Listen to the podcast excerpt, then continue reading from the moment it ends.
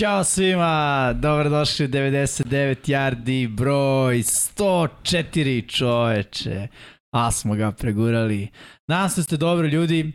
E, znam da niste navikli da ja otvaram, to znači samo jedno, a to su dva. Ni da Erceg, ni da Miksa nisu tu. Kad je Erceg tu? Erceg je naš otvarač. Da ga tako Narator, nazovem. Narator, voditelj. narator, bravo, bravo. Si rekao voditelj ili roditelj? Voditelj. A, dobro, okej. Teško može da bude roditelj, mislim, ima jer on, O, Srki, ovo nije na tvoj račun, nije, nije, ne znači si star, samo znači Ne. da imaš iskustvo. Najveći experience. Uh, da, večera smo tu samo Vanja i ja. Dobro, pazi, Mikse je na baju. Sa Mikse na baju. Moram tako da je to ono, Tako je. podrazumeva se, mora malo da iskulira, da odmori, tako da je to razumno, Srki u Brazilu. Bukvalno se sad završila kvalifikacije za sprint trku, budemo predstavni. Tako da, sve Ko je pobedio, znam da je bilo priče ovde. Pa Magnussen, sad, se, sad je koleginici iz prode, bukvalno smo gledali zajedno. Magnussen pol pozicija zbog kiše, je li tako? Tako da, eto. Da, zbog kiše, a kvota na čoveka je bila 901. To smo čuli isto od nekoga Neverovatno. na Twitteru. Twitter. Da. Vidjet ćemo još koliko, ali. To je druga tema. Ljudi, nadam se da ste dobro. Uh, mogu da kažem, nadam se da dobro kao ja, znate da nisam bio tu dve nelje. Kako Ili ne je znate, bilo, kako je bilo u Bali, to moramo svi da čujemo Da. sada. Kratki story time. kratak story. U, ja nisam dobar čovjek za te kratke priče. Radim neki podcast po 3,5 sata s drugarima. Pa, da. E, bilo je fenomenalno, da, bio sam na medenom mesecu neko malo onako egzotičnije putovanje. Znate kako ti je dođe svadba, pa dođe ovaj, prihod, pa kao ajde malo da potrošimo. Ovaj, uh, Bali je destinacija, bilo je fenomenalno. Um, da kažem da je onako malo nepristupačnije da se ode tamo u smislu uh, financija, čini mi se da je karta najskuplji deo priče, ali tamo je zaista sve jako, jako pristupačno i eto, kogod ima želju, a, motivaciju i finansijske mogućnosti da planira takav neki put, Mhm. definitivno preporučujem, vegetacija je nestvarna, a, vreme je nestvarno, znači u jednom danu može bude kiša, može bude sunce, pa opet kiša, pa opet sunce, pa opet kiša. Može da, ključna stvar imaš kabanicu uvek u rancu, jer bez toga si ono potencijalna Koliko si puta pokisao dok to nisi shvatio? pa, e, nula. Zato što da, da, da, išli spreman, pa tako to- je, išli smo preko, preko agencije i odnosno nas vodiči dočekali i poklonili nam kabanice svima i rekli ovo uvek sa sobom u ranac. I stvarno, ko što je rekao fenomen, priroda je zaista prelepa, ovaj, e, zelenilo, ono buja na sve strane, što je logično od, od tolikog padanja kiše. Mhm.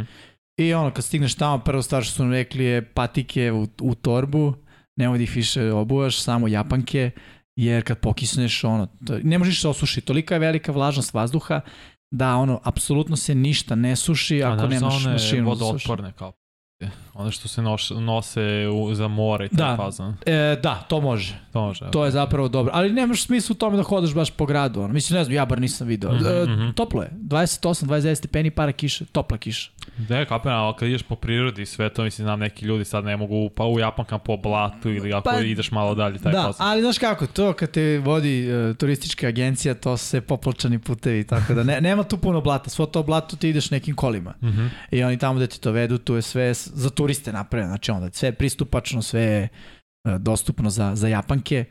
Ovaj, tako da je stvarno super i ko što rekao, moja preporuka ovaj, za svakoga ko, ko može, ako neko razmišlja o nekoj dalekoj destinaciji i ovaj, planira se ženi pa ima neki priliv neočekivani, moja preporuka je da se tamo ode i da se, i da se ovaj, potroši novac. Pratio si futbal i mogu vam reći, da se vratimo mi na pravu temu. Ja.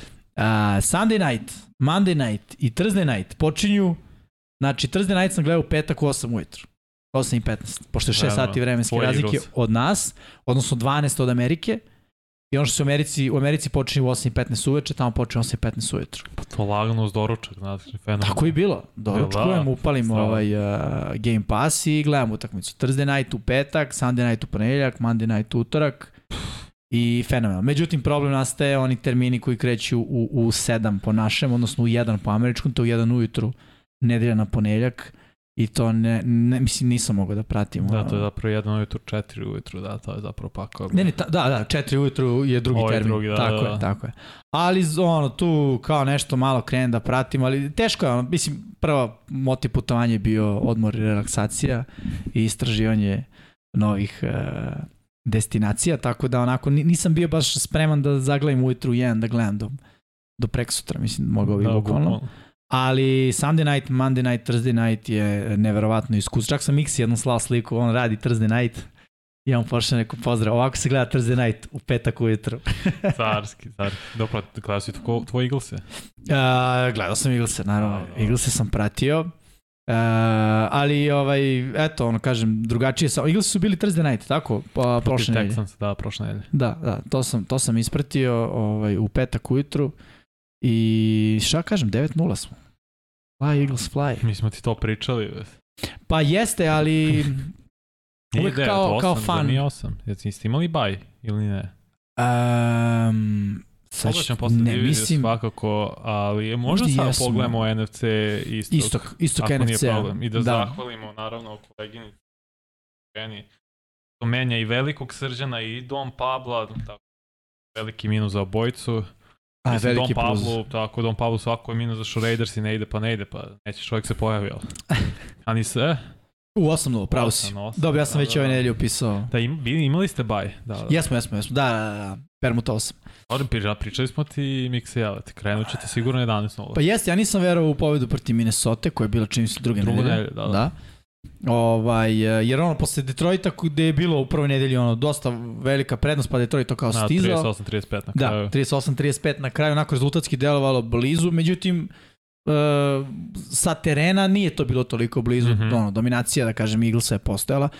Ali okej, budimo realni, nije baš ni raspored Eaglesa takav da ih nešto, da imaju puno testiranja. Nije lakši raspored. definitivno. Jest. I do kraja imaju, mislim, najveći problem će biti Dallas, dve protiv Jest. Giantsa, mislim da imaju i Tennessee, tako da možete u, u narednih 8 T4 Da. su kao kritične, ali I to je sad ona priča oko... pobedive su. Jesu, jesu, pa mislim vidi ako hoćeš da budeš uh, najbolji u NFC-u, seed broj 1, moraš da pobeđuješ, Tako je. mislim, nema šta. Savršena sezona.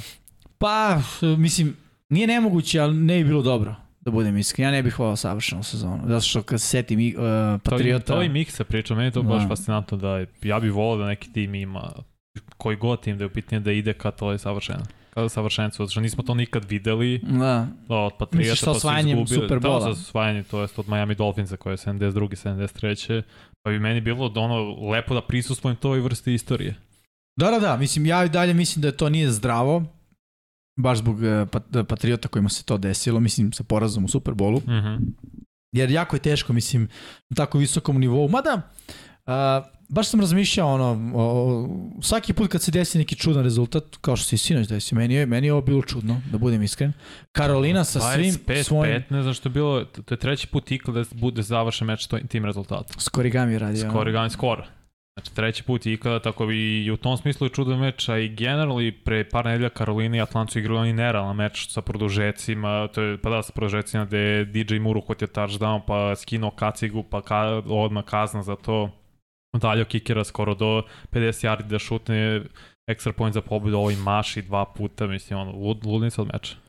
Jeste, ali koliko već nedelja za redom imamo ludnicu od meča, ne jednu, nego Svaki nedelj. svake. Svaki nedelj. S- Od kako je počela Mhm. sezona, mi imamo pa barem tri iznenađenja, ali ne kao ono iznenađenja, nego bukvalno iznenađenja. Jeste, jeste, i prošle nedelje smo imali, mislim, možemo s tim da otvorimo biri i Rena, koji god želiš meč.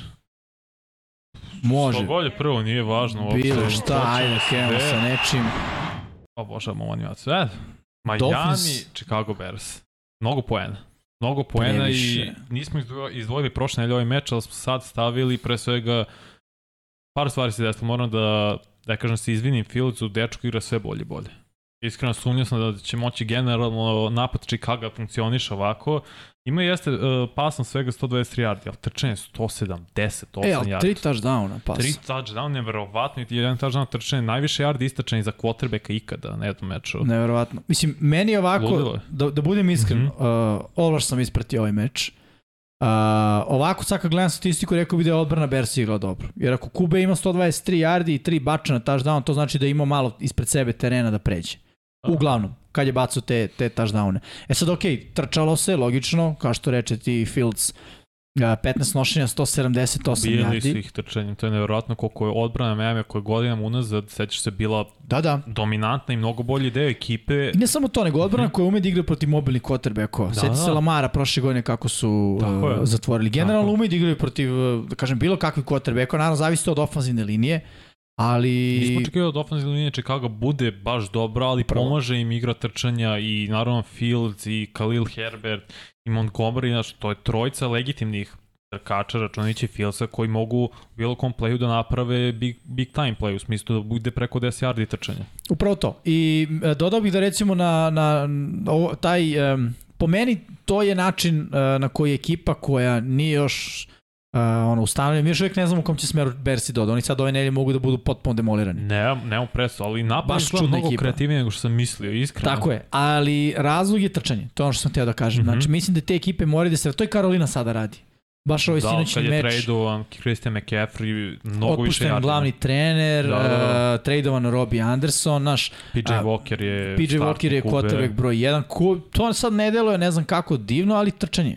Trčanje radi posao i odbrana. I to je ta kombinacija. Mislim da sličnu kombinaciju imaju i Bears. Jeste Rockman Smith otišao, jeste otišao Queen. Queen, Uh, ali ta odbrana i dalje, mislim, ok, primili su 35 poena, ali od, od Majamija to nije sramota, mislim, mislim. Koji stvarno i Terry Hill već ima preko 1000 yardi, što je neverovatno. Neverovatno, da. Ja nisam verovao. Sećaš na početku sezone, bio sam skeptik. Ne, pa ispada na kraju, uh, mi smo se pitali da li će kom će više da škodi, Mahomesu ili Hillu, ni jedno ni drugo. Da, da. Adamsu i Rodgersu najviše škodi što su se odvojili, a to je druga tema.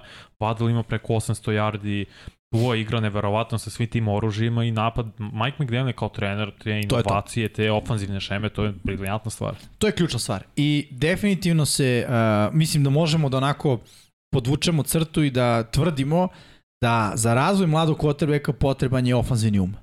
Trener koji je ofanzivni um, uh, sa da kažem modernim pristupom futbalu. Da li je li glavni trener ili je potreban uh, genijalni ofanzivni koordinator? Iberflus A- je defanzivni uh, ko- head coach, mislim, defanzivno orijentisan bio. Ja, vidi, Ne uh, zove on akciju u napadu, to je... da, ali ajmo ovako, uh, Chicago i Fields, koliko traje dobra igra Fieldsa? Tri nedelje.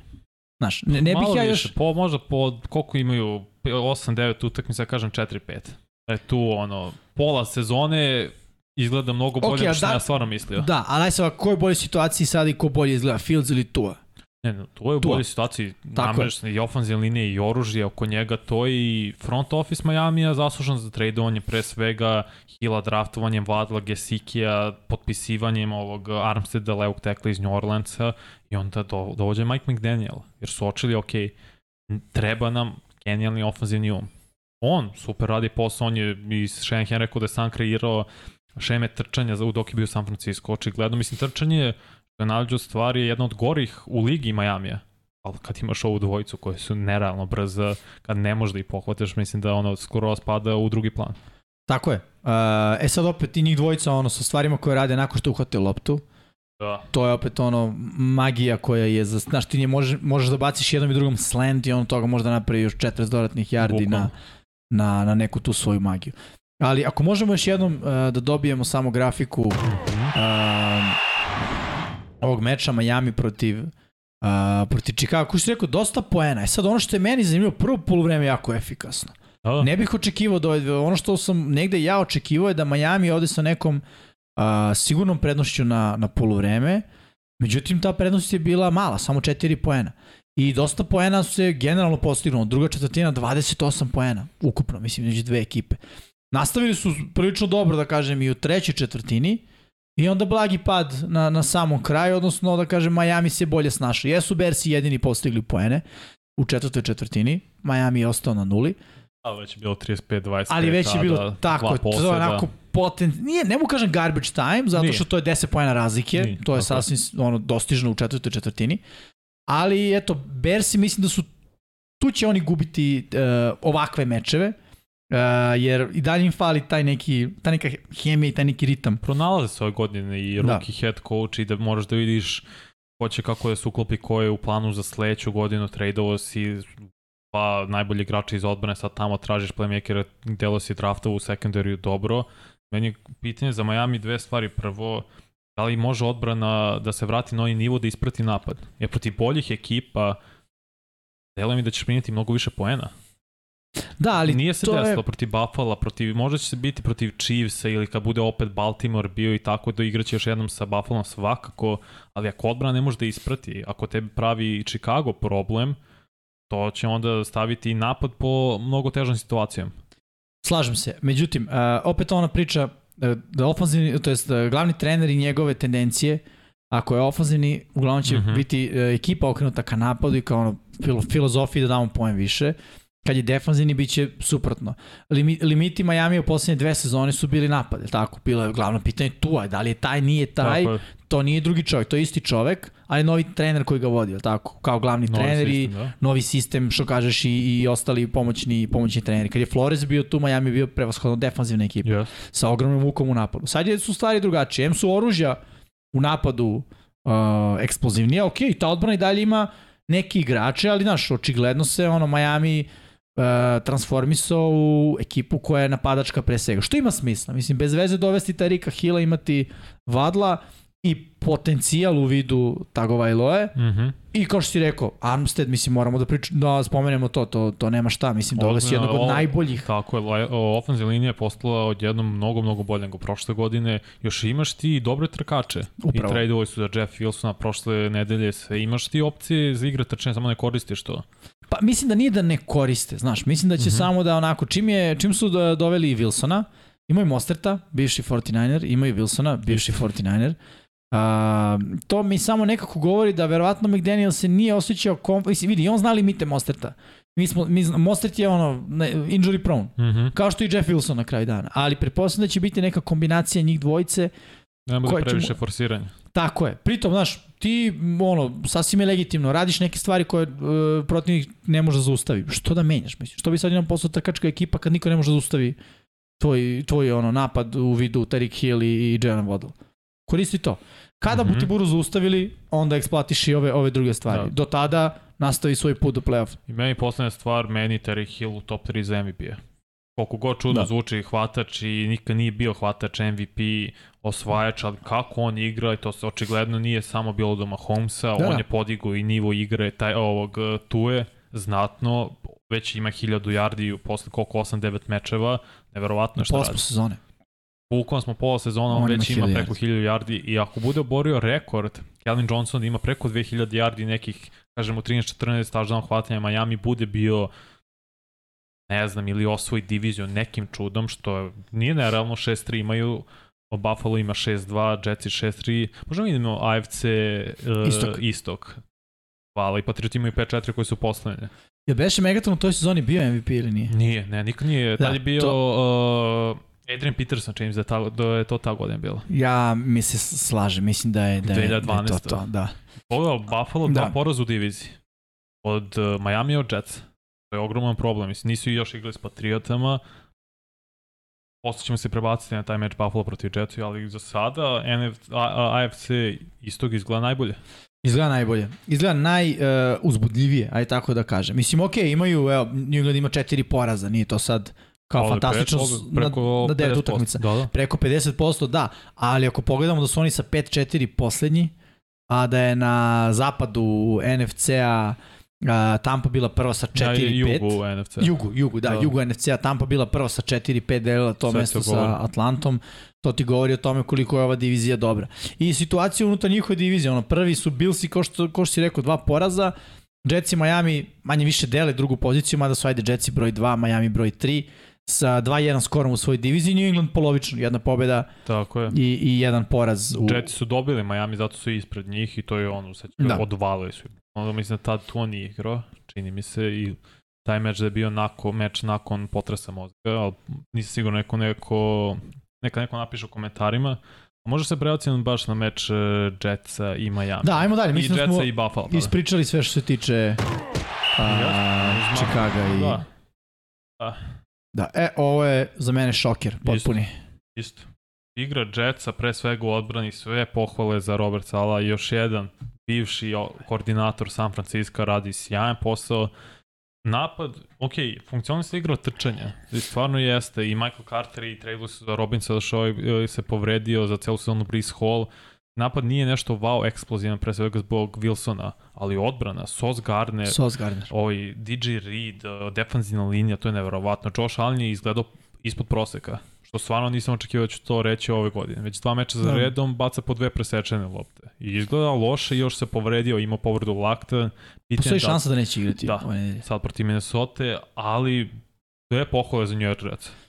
Apsolutno i to je ono Robert Salah, menjanje kulture apsolutno je mm -hmm. na delu, znači ono Jetsi nisu više gubitnička uh, franšiza. Promene su ono tektonske, mislim, znaš, bilo je pitanja šta, kako, ali ok, to je ono što Miksa uvek govori. Imaš toliko pikova prve runde. U jednom trenutku mora, to mora da se vidi, mora se vidi taj talent. E sad naravno nije dovoljno samo ni talent, treba neko to da uposli, taj neko je ono, čovjek koji je dorastao ovom zadatku, Robert Salah. Mm -hmm. I odbrana, apsolutno se slažem s tobom, odbrana pre svega, jer vidi, limitirao si Bills na 17 poena, Josh Allen na nula bačenih touchdowna, na 205 yardi. Za Josh Allena to je realno, kao što je ovo govori, loše popodne. Yes. Dva interceptiona. Znači ti si onom uradio svoj domaći. E sad, s druge strane, Billsi trčao je Allen. Uh, istočio je dva touchdowna. Bila su dizajnirana trčanja za njega. Jeste. Nije ovo scramble. Ali, opet, nedovoljno trč, pokušaja trčanja. To je ono što, što sam ja negdje primetio da um, onako bili su to poboljšali odnosno recimo pre dve godine. Prošle godine isto bilo bolje, ali onako sada na ovom meču pogotovo to se onako baš baš vidi. Čini mi se da je to uh, baš onako može da se izvuče kao neka vrsta trenda da kada Singletary ne dobija dovoljno nošenja, si malo grcaju. Mislim, ajde da se ostanemo na druge ekipe koje grcaju, samo onako poređenje radi. Green Bay, isto. Kad nema trčanja, problemi. Tampa Bay, Koji ajde Green Bay kao trčanje. pričamo nema hvatača, nema Adams je otišao, mladi hvatači. Ofanzivna linija u problemu. Da, Tampa, ono, ok, ofanzivna linija u problemu, a Tampa ima skoro pa ceo hvatački korpus zdrav. Da, manje Imaju Brady-a.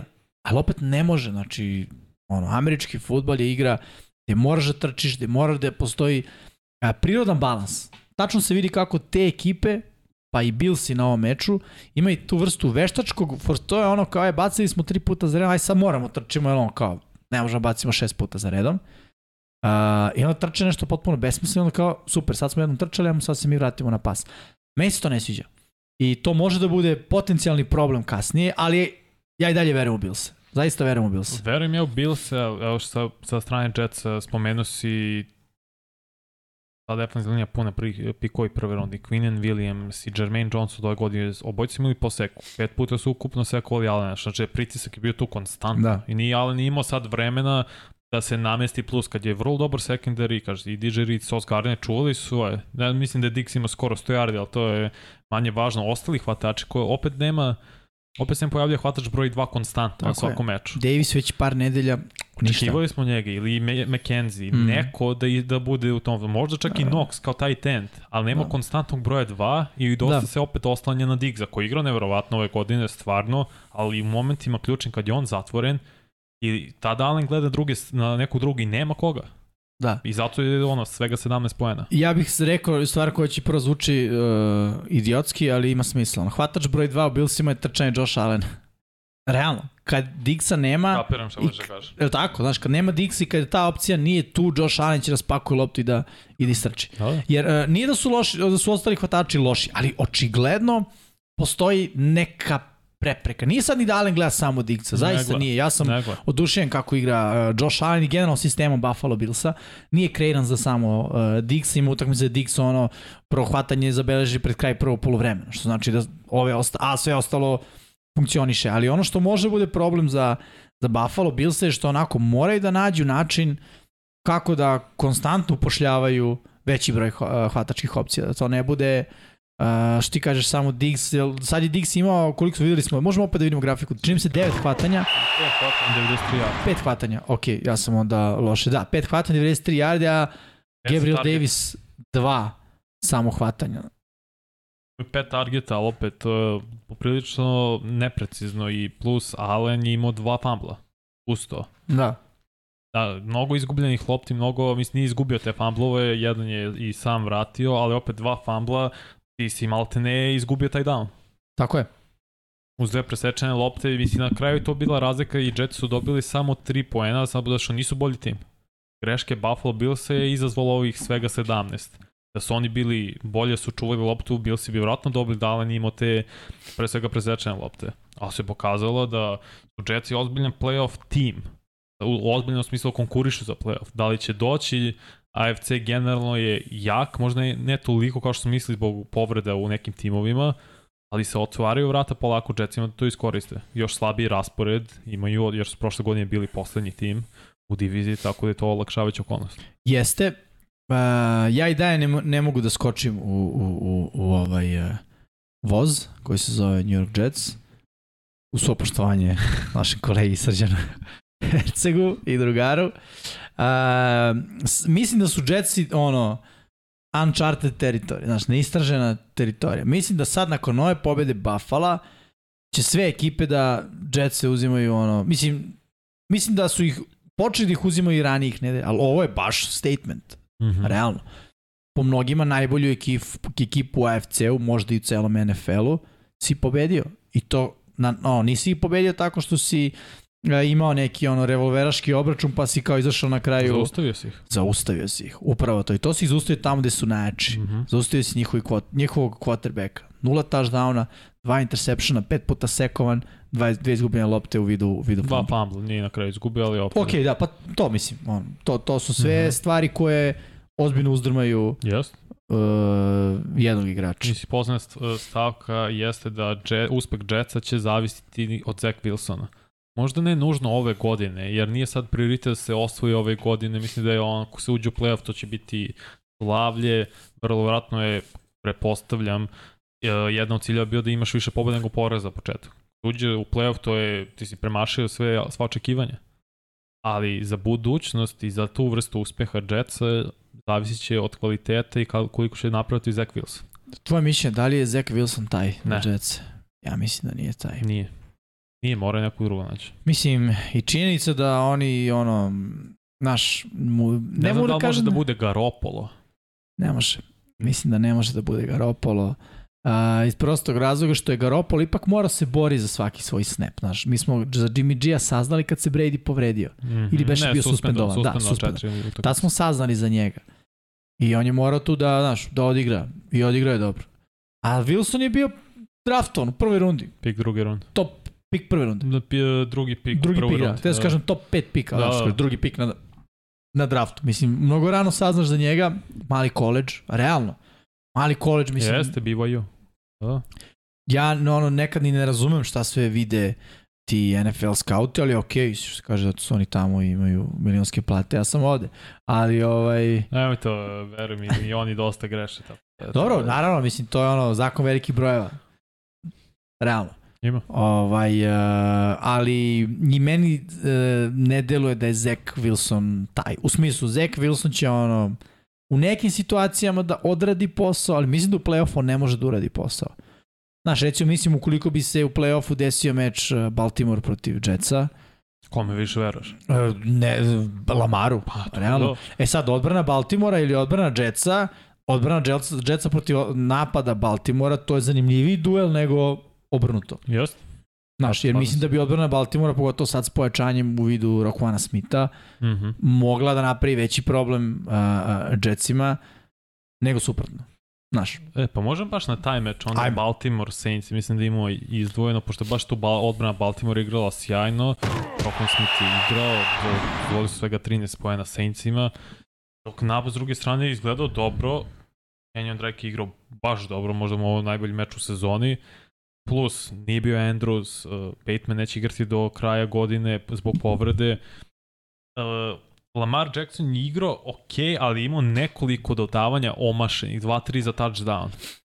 Pa likely je bilo par, mislim, baš se vidi da te, opet to ono što pričamo svake nedelje s Lamarom, uh, koliko god je napredao u dodavanju jeste i dobar je dodavač, ima i dalje te falinke da nekoliko dodavanja na meču otvorenih, prosto maš iz nekog razloga.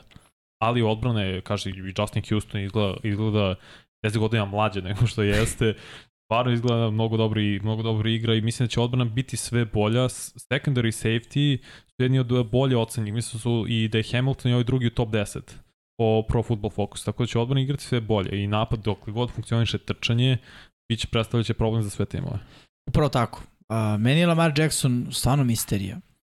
Jer, uh, mislim, ajde pogledamo brojke, on 133 yardi, toliko, toliko ima Justin Fields. Uh, 22 pokušaja, mislim, i to govori o tome Kom kom više trže, 24 nošenja Drake. Da, 24 nošenja Drake, 11 Lamara od tih 11, sad ne mogu da tvrdim tačno, da budem iskren, nisam ispratio ceo meč od početka mm -hmm. do kraja, ali kao i uvek, ono, Baltimore, tih 11 nošenja, možda su dva ili tri bila scramble, ono, sve ostalo je bilo dizajnirano trčanje za, za Lamara. Da li Reed, da li da on zaista zadrži, trči sve jedno, ali to je ono akcija u kojoj je on trkač. Uh, ne, raz, ne razumem baš ni, ni, ni, ni šta Baltimore želi od njega, iskreno. Svega pomalo, to ti najbolje. Pa znam, ali to nije, znaš, nije, nije mi to recept za... Trčali su 40 puta Ravens. Pa da, 24 puta Kenyon Drake, 11 puta Lamar, to je već 35 puta, znači imali su još pet nošenja. Ubili su u, u ovoj minutaž što se tiče posle 37 minuta imao Baltimore loptu kod sebe. Mislim, meni Baltimore već... Izmorili su igru. Da, ono. već drugu godinu za redom, ono, miksa, izvini, ali igra dosadan futbal. Iskreno, ovo mi već počinje da, da, da, da liči na, na, na neku nezanimljivu, ne, nije mi kreativno, realno nije mi kreativno, sve je već viđeno, ok, radi, mislim radi. 6-3 ali... imaju, pazi, to je, i imali su tri meča koje su izgubili, vodili su sa dvocifrenim brojem poena. Znači minimalno dva poseda. Znamo što se desilo protiv Miami, na koji način su izgubili. Ono spektakularno, evo sad gledam šta je još bilo. Izgubili su od Giantsa, gde su isto vodili 24-20 na kraju i izgubili su od, od, od... Baka, ne, Bakanir su dobili, trebamo da vidim. Još neko mi fali da su izgubili. Ali setit ću se. No, manje važno. Vodili su svaku meču minimalno 10 pojena razlike. Da. Mogu se budu neporaženi. To u tome Ali oni meni ne igraju kao ekipa koja je neporažena, znaš. Hoće kažem, nisu ti porazi slučajni. To je ono što ti kažeš, to, to je taj čudni deo Baltimora. Što igraju u, ne, u nekim momentima mnogo dominantno i da igra padne. Da, ali oni igraju dominantno samo u određenim segmentima. Ja se ne sećam, sad, ono, uh -huh. Uh, prostite ako, ako je bilo, ali ja se ne sećam utakmice u kojoj je Baltimore bio dominantan u napadu i odbrani. I trčanjem i pasom. I protiv trčanja i protiv pasa. Znaš, jedan segment radi jedan, znaš, ja ne mogu to da nazovem dominantna pobeda. Ono, dominantna uh, pobeda je da u, u svakom segmentu, znaš, da imaš, ne znam, pet sekova, da imaš uh, interception na meču, da si protivnika limitirao na ono, dva touchdowna i dva field gola. Od Billsa su izgubili, seti se ono kad je bio Lamar četvrti na četvrtom danu bacio presečan i onda Josh Allen, ono, ceo field, manje Tako više je. došao i voli field goal za pobedu.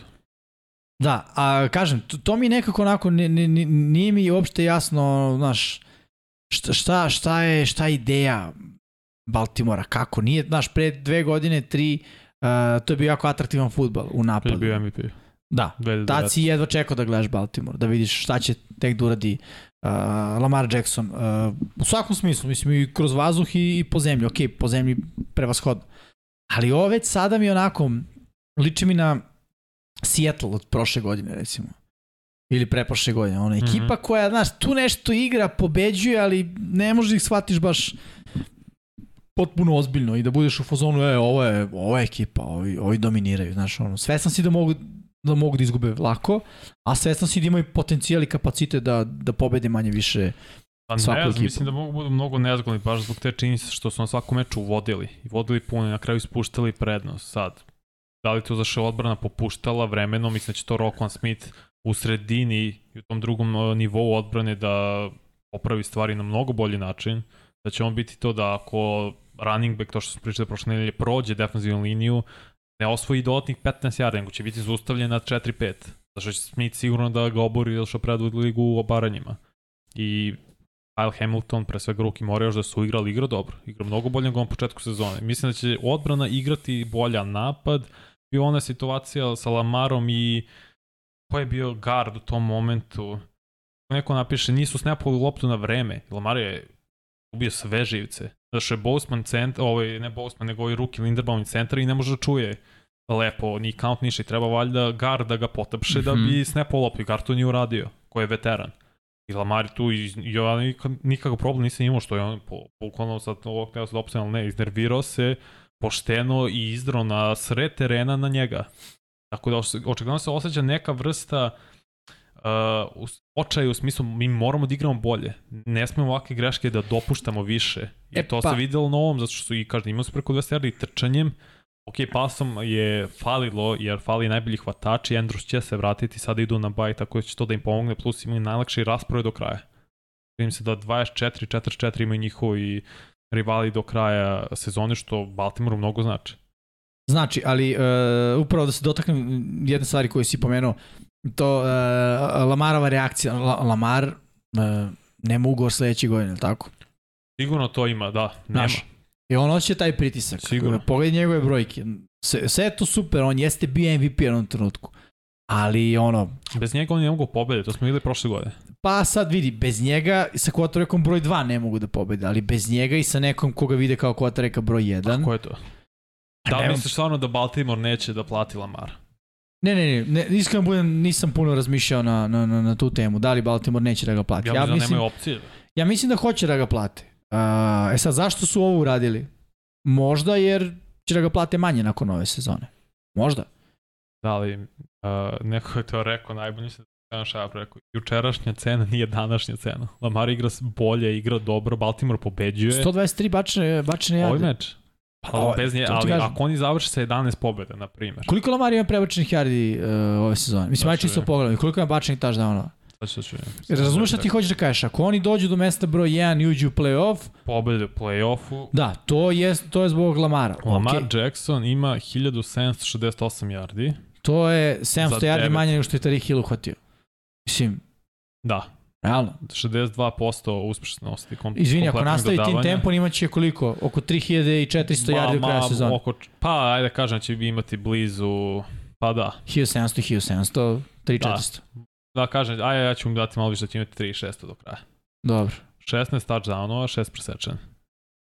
16, 6. Sekon je 20 puta za 9 mečeva. Ok, koji, koji, koji je procent kompletiranih? 62.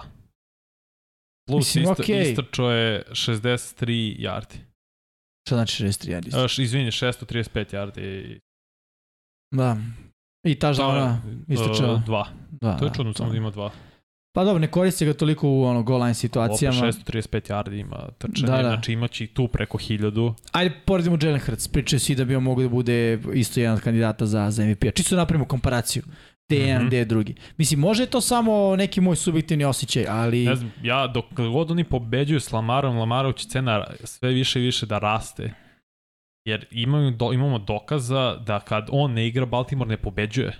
Da, ali opet ti kažem, kada on ne igra, to ne znači da je zamena njegova bila kubi broj 1. Bio je, Hurts ima 2000 yardi, ok, 2042 yarda Dobro. pasom, 12 touchdownova, dve, dve presečene. 12-2, ima 16-6. Da. Trčanje, Trčanje... ovo ima uh, 630. o, ovo ima 630, Hurts ima 326 Da, upola manje. i 6 touchdowna. I trčanih, da. Šta je razlika između Baltimora, Kosaka tima i Philadelphia? Procenat kompletirani samo što, izvini. Mhm. Lamar je na 62. 98. Napredo. Da, Prvo- to je jako dobro. Mislim da imaš 70 u NFL, ti si po... Nerealno. Da se razume, Da. da. Fields je mnogo na, o, ovaj Fields. Hurts je mnogo E napredo. sad s druge strane, ofazina linija Eaglesa. Najbolja. Uz vidi. Cleveland najbolja, imaju sigurno jeste. liniju. Uh, mnogo bolje hvatača imaju nego Baltimore što ima. Dobro, istina. Goddard nije kao Andrews kvalitet tight end, ali Nije, je ali top ima- 10 tight end. Ne samo to, nego pored Gaderta imaš i AJ Browna, imaš Da, i da. Devonta Smitha, imaš i... Tako je, im, imaš mnogo opcija stvar. Odbrana ima najviše oduzetih lopti. To znači da se mnogo je smanjen teren što Ok, ali opet raspored. Ajde, to ide na ruku Fila Eaglesa. imala najlakši raspored, jeste, Da, da. i sad u drugom delu će imati Baltimore, tako da, znaš, olakšan je po- posao Hurts u tom smislu, Jest, zato što jest. ima i dobija mnogo više prilika, kaže ti, odbrana oduzima lopte, odmah manji teren mora da prelazi, igra trčanja i ofenzivna linija rade brutalan posao, on je naravno deo tog da igra trčanja, ali delo je meni da je Hurtsu lakši posao nego Lamar. Lamar mora da stvara mnogo više sa manje kvalitetnim saigračima, aj tako da kažem. Da. Mislim, ok, ajde, opet kažem, možda ja samo Plus ni... Lamaru ima utakmicu više, Hrc je odigrao 8. Dobro, to isto menja Da, da, drugačiju perspektivu. Da, Da, da, da. da. Ali mislim, ok, ajde, ta priča je možda još uvijek je daleko. Ne igra Lamar loše, to je, to je definitivno. Znači, ne mogu da kažem da je, po, da je podbacio, da je ovaj, da nije dostojan svog posla, jeste. Ali eto, samo neki moj utisak, utis, utisak je da je Baltimore onako meni bar postao malo dosadna ekipa. Ono. To Kao što okej. recimo, ne znam, meni i Dallas dosadna ekipa, iskreno budemo. Ono. Ono kao, oni su ekipa koja bi trebala prvo trči, oni forsiraju pas sa Dakom Prescottom iz ne, ne bitno kog razloga. Ali ne veze, ajde se držimo mi naše teme. Možemo dalje. E, ništa nismo rekli o Saintsima. Moramo ne znam da, da, da kažemo o o Saintsima. Saintsima. Može, o malo Saintsima će se prebaciti i tamo. Na... Možemo grafiku samo Da, dokle... da. Izvini što te maltretiram. I, i šetam tamo. A, Saints su u problemu. Mislim, to je, to je svima jasno. Saintsi, Teo NFC Jug je u problemu što se tiče quarterbackova. To i računam i Tampu, to jer ja ne znam koliko će Brady da igra, ali igra trenutno za njegove standarde ispod proseka. Igra za većinu standarda neki prosječan futbol, o tom potom to posle. To posle, ali nije Brady kriv. Ne, uglavnom nije... Nije ni Giselle. Da, da, dobro, ne mislim da je malo ne, ne, uticalo na za njega. ono što ja hoću da kažem, ali Da, da, da. posle ćemo to. Posle. Uh, sve u svemu problem pozicija quarterbacka za Saints očigledna kao što je za Atlantu, kao što je za Granu. Sa Saints Ej. igra trčanja postoji. E, to nije problem quarterbacka. ne, ne, To je nije. problem uh, ofanzivnog plana. I, pa, Znaš. Armstead jeste otišao. I pa jeste Amsterdam otišao, ali to ne znači da kamera deo- treba da ima devet nošenja. Mislim, Ne, treba da ima mnogo više. Tako Oni su je. jurili rezultat, to je problem. Na polovremenu Stari, 14-3. 14-3 nije panik mod. Ali znaš da, Aktiviran. nažalost, za većinu njih jeste. Koliko smo puta pričali da odmah kao, ja, gubimo 2%, odmah samo pas, pas, pas. Problem je što Michael Thomas ne igra. Ma, ne vidim ja to kao problem, realno, zato što Michael Thomas nema hemiju, ni sa jednim quarterbackom. Kažem jednim jer tu mislim na Jamisa Winstona, na Andy Daltona i kogod bi mogao da bude broj 3. A, Tyson Hill nekad. Ian Book, Tyson Hill, mislim, Ian Book nije sigurno, ali Nije, ne, ne. Tyson, Tyson Hill. Tako da mislim da to nije problem. Problem je što Saints više nemaju identitet u napadu. Se, identitet Saintsa nekada u napadu je bio trčanje, one two punch, kamera Ingram a, i pas ono, kratke kombinacije, znači da kažem nekih do nekih 10 yardi a, inicijalne rute i onda yardi nakon hvatanja. A, to sada nema. To sada nemamo. A, prvo, jer ne postoji trčanje, ne postoji tako dominantno trčanje. Ingram je tu, Ingram Ali- se povredio, ne znam da li igra ovaj meč. mislim tu ove sezone, Da, da. ali Ingram ima mnogo više godina nego na taj Nije to to više. nego kad je, kad je bio taj period o kom pričam. Kamera sa druge strane, mislim, um, nije centar, očigledno iz nekog razloga nije fokus oko kamere, znaš. Um, Karolina je bila solidno loša ekipa, su imali McCaffrey i on je bio fokus svega, tako, okej. Okay. Mhm. Povredio se i onda su krenuli problemi. Ali imaš jednog igrača koji ti je definitivno lice franšize, to je kamera trenutno u Saintsima kad gledamo njihov napad. Mislim, po meni nije niko drugi. Ne, mislim, bit će možda Chris Olave Biće. jednog dana, mislim, jednog dana za par godina. Može i sledeće sezone, ali Možda. trenutno to treba bude kamera. On Mhm. to nije, jer Nije. imao je devet nošenja na ovom meču. Mislim, i Disfunkcionalno izgleda napad u nekim momentima, Potpuno, u potpuno. nekim izgleda super kao što je bilo protiv Pre par nedelja kad smo Da, kad kritikovali da Dalton, bacio da, dve presečenja da. u end zoni i onda još jedno i to se sve živi iznervirao. U nekim momentima napad izgleda dobro i dosta poena, ali često izgleda disfunkcionalno. I nema rešenja za to, jer nemaš opet quarterback koji će da poveže druge hvatače. da, ba, to je uh, moje mišljenje, Plus To je i obično-. Landry ne igra koji isto treba da dođe kao pojačanje. da. To je, uh, kažem, moje mišljenje uh, rezultat obično nemanja plana u napadu Uh -huh. i onda živiš od big play-eva. Živiš od noći do noći, da li će QB da ima veliko, veliku noć i da li će jedan njegovih hvatača da eksplodira. Ako se ne desi ni jedno ni drugo ili samo jedno, uh, a ne drugo, onda ono, verovatno ćeš izgubiti taj meč. I to je ono što se trenutno dešava Saintsima. Oni sada, e sad, možda nas to vodi nazad na ono pitanje da li je to isto bio princip, ali si imao Drua Brisa koji je konstantnija opcija na poziciji quarterbacka i koji je bio i ono, iskusniji i bolji quarterback od svega što oni trenutno imaju. Jeste. Pa je mogu da promeni akciju, možda, znaš, ako nešto Naravno, nije... na liniji skrimiža kad je uči da ne odbrana nešto radi to skroz drugo, on ima Tako je. punu slobodu da promeni akciju. Ima i Andy Dalton, siguran sam, znaš, ali opet ono, Sean Payton je bio glavni trener, to je veliki isto Jest. razlog. jest. Ozbiljan ofanzivni um koji i sam je rekao, kao ko zna, možda od sledeće godine budem bio trener neke ekipe, ali očigledno fali i on. Yes, okej. Okay. Ok, ajmo dalje. Morali smo kažem nešto o Saintsima, nije bilo fair da pričamo samo o Baltimore, da nas posle ljudi prozivaju. Možemo dalje. Ajmo dalje. Hvala. Naredni meč koji obrađujemo su Ramsi protiv Buccaneersa, jad i beda. U svakom, Možda. u svakom smislu. Mnogo teško bukvalno. zagledati i, i igra Grozno. trčanje, dve najgore ekipe po zemlji. Nepostojeća, ono. Nema, 60 yardi imaju obe ekipe po, po meču po, po ovaj. Kao da gledam frisbee futbol, bukvalno. 58 pokušaja Brady. 58 pokušaja. To, jedin razlog što sam bio Tampa u pobedi, samo zato što sam vidio više verovao će Brady u posljednjem nekom drive da uradi nešto za razliku od Stafforda koji igra kao što je radio loše. Da nema Cooper Kapa. Znači, osam hvatanja od kompletiranih 13 Stafforda je išlo kapu. 127 od 165 yardi je išlo kapu. Cooper Cup da ne igra, pa evo, ti se ja mislim da Stafford nije prebacio 100 yardi. Pa da. Neku meču. I evo, Skinny touchdown koji je dao, znači minus 7 poena i Skinny ove yarde, ja, to je bilo, ne je bilo gaženje, jer Tampa trenutno nije sposobno da pregazi ono, Ne ni, ali ni, ni, imali nulu od ni poena. pogačicu koja padne, Da. bukvalno. Mislim, odbrana Tampa igra dobro i da opušta 18 poena po meču, to je okej. Ali Dešavalo- viđali smo već ekipe koje, uh, Mhm. gde se odbrane dezintegrišu. Chicago pre par sezona sa Ne, Trubisky. jes, ti si u pravu i Mik se spomenuo prošle nelje gde je bilo nekoliko akcija protiv Baltimora, na primer, gde je Devin, de, Devin White prosto odustao od akcije. Da, pa to je to. Tako odbrana igra, znaš, to, Nažalost, to je mislim, psihologija. To je vidjeti za neko koji je mlad igrač, realno komu od treća, četvrta Jest. godina, da on ne daje sve od sebe, dok znam da Lavonte David je svake godine kida, Da. koji igra i dalje, ali opet ne može on više bude lider te odbrane, to mora bude White. Da. Što si ti rekao, oni su banda u odbrani, to je problem. E, jesu, banda su odbrani iz, iz, iz više razloga I, i jedan možda i ključni je zbog te malo disfunkcionalnosti napada sada.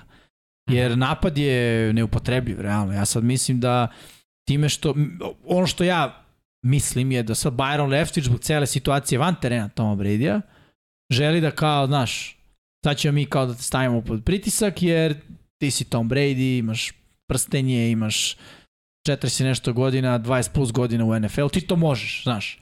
Ali koliko god da on to može, uh, nije realno, jer nema trčanja. Pa nije realno, Jimmy, oni uh, za ovu Brady-ovu karijeru, znači pričamo o karijeru 23 godine, u ovih prvih 9 mečeva, njegov tim najmanje postignutih poena u proseku. To je bio formula u New Englandu često. Dobro igra trčanje, odlična ofenzivna linija i onda idu uh, kratka dodavanja. Nakon 2-3 uh, dve, tri akcije trčanja, onda ide screen dodavanje, ka Edelmanu ide kratko ka Gronku i tako se otvara odbrana. Malo po malo, malo po malo, malo po malo i eto, drive od 12 akcija, prođe 6-7 minuta, izmoriš protivničku odbranu, postigneš 7 poena. A tvoja odbrana radi posao. Tako što je. oni odmorni. A ovde nema trčanja. Upravo sve si lepo sumirao. Znači, ovde nema trčanja, što pomaže svakom quarterbacku. Da. ovde nema Gronka, što Nema pomaže svakom quarterbacku, Da. mislim, odnosno Brady-u. Brady se vratio, ok, Ma, i on je bio to to. Nije, ne, vrati se i mislim da i Godwin još nije 100% spreman, mislim niko nije, ali mu fali još dosta da dođe na onaj Pro Bowl nivo. Mike Evans ne može sam da igra, jer će neko uvijek da ga zaključa, dok Ramsey, to je još gore, Da, da. ništa u napadu ne funkcioniše, ne sem Cooper Cupa. Da, Ramsey su baš onako... Ja ne znam što da misli stvarno Ramsey ima i Cooper Cup, ne ne boga, kucam drvo da, da se ne povredi, kao što je mogao se povrediti protiv San Francisco pre dve nedelje na onu glupi poslednju akciju. Oni nemaju šta da rade u napadu. Da, i ovaj meč je baš bio onako um, prikaz i, i, i, i lekcija za sve. Ovako izgleda Mhm. kad se ne trči. Ovako Jeste. izgleda. 16-13, grozan futbol. Mučan futbol. 16-12 stvari. 13. 13. 13. 16-13, grozan futbal, uh, pritisak na oba quarterbacka, uh, jedan nema ono ofanzivnu liniju, mislim na Brady-a. Pa nema ni ovo. Nema ni ovaj drugi u stvari, da. Nema, mislim, Da. ofenzivna linija postoji Tako je. to nekle je opravdano za Tampa zbog tih povreda, kapiram, jeste, ali to valjda lakše štrčanje. Ne, Leonard Fournette je stvarno, prvi meč kako je dobro odigrao protiv Dallasa, ne znam šta je problem da ponoviš taj isti recept. Pre, pre svega imaš Aaron Donalda preko puta Brady-a konstantno, koji imao isto sek i još nekoliko akcija gde je bio odličan, gde je zaustavio i izvršio od- odličan pritisak na Toma. Šta radiš ti? Zašto ne ide Fournette? Ne mogu ne govorim bacio Brady, ja nisam bio svestan da je bacio 58 puta koji nisam video danas ponovo. Zaboravio sam skroz da je bilo toliko akcija. Da, da. Slažem se, slažem se. I na tih 58 njegovih pokušaja bilo još nekih 15 trčanja, čini mi se. Mislim, mnogo akcija, ali To je premalo 70 i nešto akcija, da. I ti iz toga postigneš 16 poena, mislim, diskutabilno, zaista. I što se Tampe i što se Remsa tiče, ono, veliko pitanje šta će biti dalje. Jedina sreća Tampe je njihova divizija, što smo već i rekli. Jedina ono. sreća. Atlanta koja, ne znam šta radi, evo sinoć je baš bilo iznenađenje. Atlanta Karolina, Sve živi povređeni odbrani, taj secondary, pre svega i defensivni isto ih povređeni. Ono, Karolina Igraju za Steve Wilksa, mislim, Pa, igra trčanje izgleda mnogo bolje od kad Jeste, je ali ne može ovaj. tu, znaš. Pa ne, nema tu sad nešto mnogo da to se u najboljem očekuje. slučaju Raidersi prošle godine. Dođeš do play-offa, neka A ne priča. znam kako će imati 3-7, ja ne znam. Ne, ne, kažem, 3-6. najbolja, najbolja Da, da, da. priča je da, da, Evo, da se hvala, desi to. Imaju 3-7. 3-7, da. Pa, Pogledaj ovu... Ali vidi, oni sa 3-7 su jednu pobedu za prvog Oni u svojoj Oni diviziji. sve pobedili u diviziji. To nije 3-1 imaju. Pa ne, mislim sve od svojih pobeda, tri pobede Da, ili tri, da. tri su dobili. Tačno. Dobili su Tampa, ono, nerealni utakmica PJ Walkera, Mm. dobili su Orleans, dobili su Atlanta. Jedno su izgubili Atlante na glupost DJ Mura na kraju i mogli su njih da dobiju, trebali su da dobiju. Oni bi, I da imaju 4-6 bili bi drugi oni. Da, A 4-0 u diviziji, Karoline koju smo svi otpisali, neverovatno stvarno. Tako je, mislim, kažem, ja ne vidim ništa da se desi sa Karolinom, iako se desi nešto će samo značiti da su ove pred, gornje ekipe u njihovoj diviziji mnogo loše. Hoće biti kao NFC istok, ono, 2020. Da, da, da. Kad su se pitali, ono, da li će tim Neko šest mora pobeda da uđe, da, da, da, pa će ući, tako je. Dobro, ajmo dalje. Ajmo na sledeći meč, Mhm. a, ako ga imamo. Uh, Imamo imam još jedan, tako? Da, ja mislim da imamo još jedan. koji. Sad ćemo da vidimo. Tennessee Kansas City, da, ovo je bio prime time, realno. Ovo je bio da Sunday night i desilo se. Sam pričao Mixi prošle nedelje će Tennessee da izvrši pritisak sa četiri igrača u defanzivnoj liniji. I očigledno je recept da zaustaviš Mahomesa, jako su oni izgubili ovaj meč posle u produžetku, da ti ne ideš u blic. Tako je. Pritisak sa četvoricom je dovoljan, jer defanzivna linija Tennessee je brutalna. Pre svega predvođeni i Jeffrey Simonsom i ovaj, kako se zove, uh, Padu Pri i Otri još, i još neko im fali.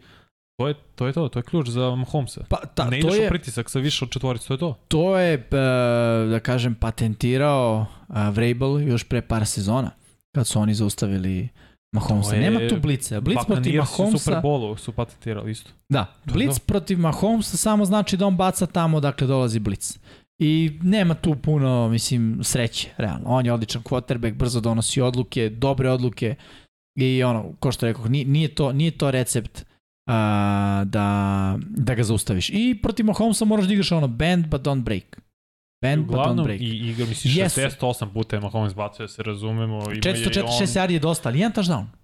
I jedan To interception. je, To nisu je dopuštali. upravo to. Upravo to. Problem za Tennessee. Tu stanu u drugom polovremenu napad.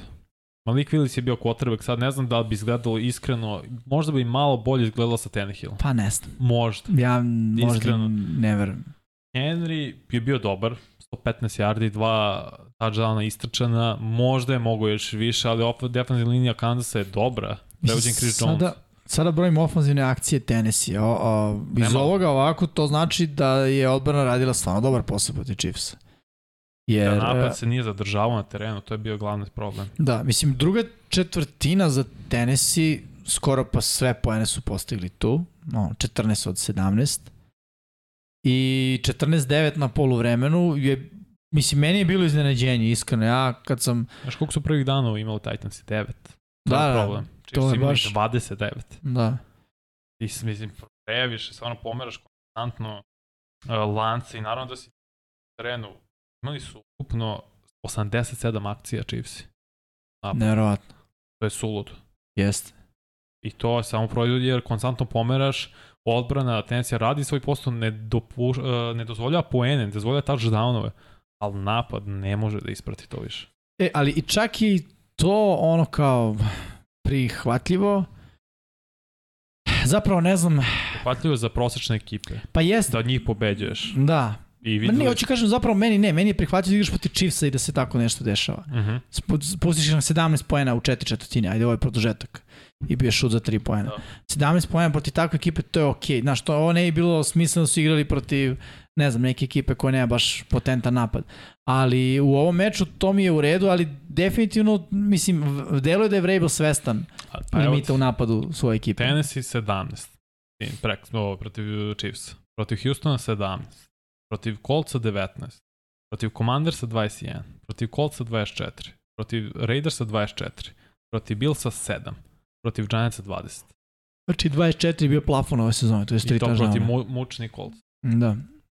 Mislim Oni su ne, jedva prelaze 20 po Da, da. napadu. Znači da je limit taj. Ne možeš, očigledno to je, ovo je dovoljno, ovo smo videli mečeva, da pola sezone je prošlo, ti ne možeš da prođeš 20 poena na konstantnom nivou. Da. Da, to jeste problem. Mislim, to, to jeste problem. Sad, ono što si ti načeo kao temu je da li Tenehill tu može da pomogne. Videli smo da ne može. Pa, Većina mečeva je bilo sa njim. Tako je. I ono, nema neke pretjerane razlike između njega i, i, i Willisa. I, u stvari Wilsa, tako? Ali, uh, ovaj, Malik. Wills, da. A, ja bi čak ostao sa Wilsom. Zaista. Jer Pa mislim ja da Tenehill bi nema budućnost u, Pa u nema, tenisu. i previše para je plaćen Tenhill i to veliki deo kepa ti on je njegov ugovor. A Da. tebi fale oružja u napadu, da, Burke se povredio, ruki hvatač, vratio se, on je falio, fali ti druga, tight end ti fali. Ofenzivna linija mora da se obnovi. linija. To je, to je najveći Odbrana, Vrabel komanduje odbranom i naće uvek nekog, jer očigledno je to postalo nešto nalik Beličiku, ne kaže na tom nivou koji Beličik stalno nađe cornerbacka. Njegov ovaj cornerback čini se da, da je Jack Jones najbolje ocenjen u NFL-u. Tako i Vrabel pronašao krud na, u defanzivnoj liniji da nađe uvek nekog igrača. Ako ne znam, to je i odličan scouting i čovjek je očigledno postao jedan najboljih trenera u ligi, ali to je njegova specijalnost. Ali napad mora da se obnovi. Kako da li kroz draft, da li potpišeš nekog, ne znam stvarno, ali ovo ti je limit. Da. Ti do 20 pojena postižeš i to na muke, na to da Henry igra i da ima preko 100 yardi. Još jedan komentar vezano za to, Arthur Smith nije tu, mislim, glavni trener Atlante i odmah se to vidi. To opet se vraćam na onu e, inicijalnu priču. Glavni trener je defanzivno orijentisan um i trenutno mi se čini da nema a, na poziciji ofanzivnog koordinatora nekoga ko može da razvije Willsa ili da može da pomogne Tannehillu da pređe neke... Teško je. Nije, evo, Kingsbury... Mislim da Arthur Smith bio čovjek za to. Jeste, Kingsbury nije nešto wow sad on s college. Na primjer, uzim njega kao primjer ništa gdje je postao loš, sve loši, loši trener i, on je kao došao kao neki ofanzivni genijalac i guru ili šta god, ali ne, ne može se to svako radi u NFL. Ne, ja ne verujem u te ofanzivne guruje sa koleđa, mislim iskreno. Uh, mislim da ofanzivni guru mora da se napravi u NFL-u, Mhm. kao što je uh, Mike Mike, McDaniel. Mike McDaniel, na primjer, A, mislim, Kyle Shanahan, Sean McVay, Stefanski, Stefanski, uh, Lefler, isto, tako je, potrebno je vreme. potrebno vreme. Ok, s ovim smo pokrili sve ove mečeve koje smo izdvojili uh, od prošle nedelje. Ajmo sada da pretrčimo, zaista pretrčimo, Ajde, stvarno ćemo protiv. i ove ostale mečeve koji su se odigrali uh, Kasno smo počeli. prošle. Moramo se izvinimo zato što bukvalno je kompjuter stao. Da, Znači, ne, stvarno ne šalim se, kompjuter je totalno ono je. zaledila se slika i mora se to da restartujem, pa zato smo i kasnili. nas troje ovde smo uvek tačni, mislim Vanja ne ide kući odavde. Tako je. Ovaj, Irena s vremena na vreme ode kući, Malo, nekad. a ja ovaj, uh, idem kući. U nekom trenutku, ali... Kanc, kući studiju. Da, da, da, da, da, da, to je taj trogo bermudski, da, da se gubi vreme. Vreme i sve. Ajmo, Ajmo da vidimo ostale mečeve uh, devetog kola.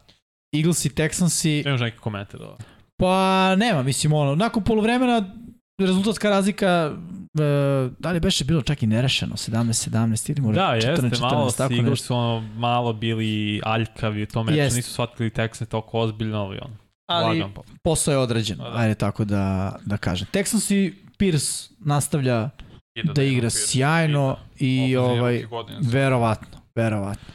Chargers i Falcons, Oh, težak meč, iskreno. I ja moram stvarno pohvalim Justin Herberta, on šta iznosi sa ofenzivnom linijom koja je ispod proseka, gledao sam i evo ovo je zapisano jer ni jedan ofenzivni linijaš Sam Lindleya nije njen u top 10. Svi, uglavnom Pipkins, desni tackle je uh, 66. i ovaj drugi levi tackle koji menja uh, ove Slatera je 26. i u napadu nema ni jednog hvatača koji u top 30 plus Mike Williams koji je 33. ocenjen hvatač ne igra, Tedai Tent Everett je 18. Ekeler je 16. ocenjen running back sa toliko n- uh, falinki u napadu, ja ne znam kako Justin Herbert iznosi ovo što radi i dalje na skoro svakom meču ima neka wow dodavanja da se zapitaš kako, kako je to uspeo po, jer ništa ne funkcioniše u, ne funkcioniše u Chargersima. Odbrana koja je puna povreda, koja ne znam kako je svela ovaj, Atlanta na svega 17 pojena i imali su sreće jer je ovaj Ku njihov kiker koji je uglavnom predstavljan čovjek omašio, naš kiker je pogodio koji je rezervni kiker, što je i, još luđa priča, može on treba bude naš heroj, ali jedan od heroja, ali Chargersi na neki mrt, ru, nije ni ružan način, nego anemičan način pobeđuju. To je glavni moj utisak sad i ne vrlo će to da se promeni, iskreno, jer tebi su najbolji igrači povređeni i nema ko da ih zameni. Mislim, ovaj Jamir uh, uh, nije Slayer, nego Sajel, jer kako se već preziva offensive tackle sa Georgia, što je ruk igra super i on će biti super desni tackle kad se vrati sledeću godinu. Ali mnogo je tu faniki, mnogo je to da mora Herbert koji dalje ima muku sa uh, Rebrina da izvlači nešto konstantno. Ja bih rekao tu problem back office-a, ako e, nemaš klupu, to znači da si preplatio nekoga. Realno? Meni je Staley najveći problem iskreno i ja bih volao da Sean Payton bude glavni trener sledeće godine. Dobro. Stvarno bi, jer... Ne, ne, uh, pa da, nemam nikakav problem sa Teleskom, generalni menadžer, i on je draftovao super igrača u prvoj i drugoj rundi. Sad jedin koji je bio fail je Jerry Tiller i definitivno teko kog su katovali. Da, da. On uh, draftuje sjajno. Ja ne znam šta je problem. Problem je prvo kondicioni trener i, i sa, uh, ceo taj deo gde stalno su povređeni. Stalno neko povređen. To nije slučajnost. Slažem se. Ne, ne znam sa kao je to mišljenje, tvoje mišljenje vezano za to, ali da tebi stalno budu povređeni igrači, to mora da si ti unutar uh, franšize i tima razlog za to. Sigurno, sigurno. Ne, nešto se ne, radi ne, na, na pogrešan način. E sad, šta, ne znam. Izvinim za ovaj monolog. Ne, ne, ne, sve okej. Okay. Znam koliko boli kad je ekipa yes, loša. Da. 5-3 imaju, nisu ni loše. Da, pa mislim... Prosečan Da, nisu ubedljivi, aj tako da se da. preformuliš. Dolphins i Bersi, to smo uh, već prošli, Dolphins i pobedili 35-32. Uh, Panthers i Bengalsi, Bengalsi su pobedili 42 prema 21. Mixon je pobedio. Pregazili su ih. Bukvalno. Mixon pet, pet touchdownova preko 200 yardi i na, dobro je da su poslu, mislim, poslušali sami sebe, ali to smo pričali prošle nelje. Mora da je napad kroz Mixona kad nema Jamar Chase-a. Ne, Generalno mora da ide jer... ne funkcioniše ovi ostali hvatači u toliko kao Chase, a i Mixon uopšte šta je problem. I evo isplatilo se. I generalno mora da postoji igra trčanjem, jer ono, sve ekipe koje to ne rade imaju, imaju gadan problem. Samo ću reći da sam u fantaziju prošle nedelje igrao protiv uh, ekipe koja ima Mixona i, i ovoga Justina Fields. Njih dvojice sami 100 pojena. Da. Ovo je 50, ovo je 40 nešto. Povedio sam. Kako? Failovo Tyson Hill na kraju. Igrao, je, igrao sam protiv njega. Bravo. Ajmo dalje, da nastavimo. Da, ostale mečeve. Uh, Packersi, Lionsi, wow. pričamo o bednim rezultatima. Pričamo o Aaron Rodgersu, igra apsolutno grozan i najgori futbal u svojoj karijeri. Pričamo o Packersima koji igraju grozno. Kao ekipa su grozni. Mislim, yes, realno, i... nedostatak game plana, nedostatak samokritike. Kapiram, ne... nema hvatača i ofenzivna je isto povređena i sve pitanje za ovo da će igrati i Jenkins, uh, koji je najbolji guard. Ja, znaš što je najgore? Njima, ali njima to ništa ne utiče. Oni imaju ono one size fits all game plan koji je loš. Yes. Mislim, pristup je loš. I oni, ja ne znam, ono, ne znam šta, šta, šta treba da se desi da oni promene svoj game plan. Što je loše i što govori o njima kao, kao ekipi. Ne znam, i Rodgers mi deluje kao, ako baš moram da igram sa ovim, onda ću igrati igra mrzovoljno. Ona presečanje dodavanja ima ih je tri protiv, ja se nećem kad je poslednji put imao tri. Da li 2016 ili ne, ne predstavu. Ali ono presečanje dodavanja ispada, baca sa jedne noge, hvata Hutchinson, onda i Kirby Joseph ga pre, predstavlja dva puta. Mnogo loš futbol igra Aaron Rodgers, on je mnogo ispod njegovog kvaliteta. Jest. Ne znam, ne znam šta je, nema rešenja. Nije kao kad Tampe, ok, tu je Mike Evans, može nešto se desi, Godwin i tako to, to ne postoji. Problem je što ti nemaš rešenje, sem ako ne trčiš 30 puta na meču. To ćeš morati očigledno, jer ne možeš da se sastaviš u igri to preko u vazduhu. Game plan mora da se menja iz nedelje u nedelju. Packersi to ne rade i izgubili su od Detroita 15. Strašno. 9 duše u Detroitu. A, Coltsi protiv Patriota u New Englandu, Lako to jest u Bostonu, da, New England odneo pobedu 26 prema 3 i to je odmah koštalo Franka Rajha posla. Tako je, On da, je da. otpušten i imamo sad tu kratku pričicu. Jeff Saturday, da. A to je Jeff Saturday, Uh, glavni trener Indianapolis Colts, to je interim head coach, to je onaj kao privremeni, da kažemo, da, odnosno da. VD, što VD, bi se kod nas vršilac. reklo, vršilac dužnosti. Pravo ni otkuda. Čovjek je bio glavni trener u srednjoj školi. Jeste, radi ni ESPN-u bio analitičar. Pa dobro znam, ali to nije baš neka preporuka ne, da budeš glavni trener. ne, ne, vratno A, to govoriš kao, da. vlasnika Jim Mercer, kao, kao, pa ovo je super što nema niko iskustvo da kao trener u NFL-u. Onda tu dobijaš strah kao. Ok, mislim da. E, pa kao dobro, ali pa treba da imaš neko iskustvo, ne razumem, ja ne znam kad je, to ti možda znaš bolje. Ne sećam se kad je neki trener van koleđa, da ne, nije na koleđa, znači ne, ne vodi koleđ, im dobio da bude glavni trener. Ne znam. Mislim da to... Ako neko, neko napiše u komentaru, ja nemam predstavu. Mislim da je, da je ta odluka, do duše, ajde, ne želim da je osporavam, jer baš ne znam ništa o tome, znaš, možda... Mi kapiram i sigurno zna zna, nešto. Je, uh, Jeff Saturday igrao je u kolcima, da napomenemo, bio tamo centar i za, Ne, ne, on je lice te franšize, Jeste. jedan od, znaš. za Peyton Manning. Igrao je sjajni, bio pro bowler, all pro sve to i sigurno zna futbal. To ni, uopšte ne osporavamo ni Jeff Saturday, ni njegovo znanje o NFL-u, ni bilo šta, nego problem je što to je kao pa ne znam, sad da nas angažuju, budemo moćnici, ali to je bukvalno, ne mogu kažem taj nivo, ali to je taj, taj način. E sad da mene angažuje, budem glavni trener Vukova. E, to ti je to. Da. To je bukvalno to. Ne, neverovatno mi kako tu i ne znam stvarno šta mislim, ne verujem da će to biti dobro. Pre svega rookie quarterback, Sam Ellinger, ne, baš ne, nemam mišljenja. Nije ruki, mislim ovo druga sezona. Prvi put igra, jeste Da, druga da. sezona, ali kao prvi put igra Jasno. i videli smo protiv Patriota koji jedu, jede takve mlade quarterbackove. Igra trčanja je sjajna. Ne, ne znam šta mislim, mogu čudne odluke za Colts. Jeste. I ono, mislim da je ovo generalno loša i poruka za, za igrače, jer ne znam, ja sam igrač, ja i pomislio to je to, već smo odustali do ove sezone. Jesmo. Iako im divizija nije ono kao teška, ali Pa ne mogu pobede i već su izgubili tendencije oba da, puta. ne mogu se pobediti ni Jacksonville, ono, to je, i to su izgubili, mislim, već. Ok, ajmo dalje. Uh, Billsi proti Jetsa, to smo Ustanovili. već da ustanovili. Vikingsi proti Commandersa, Minnesota.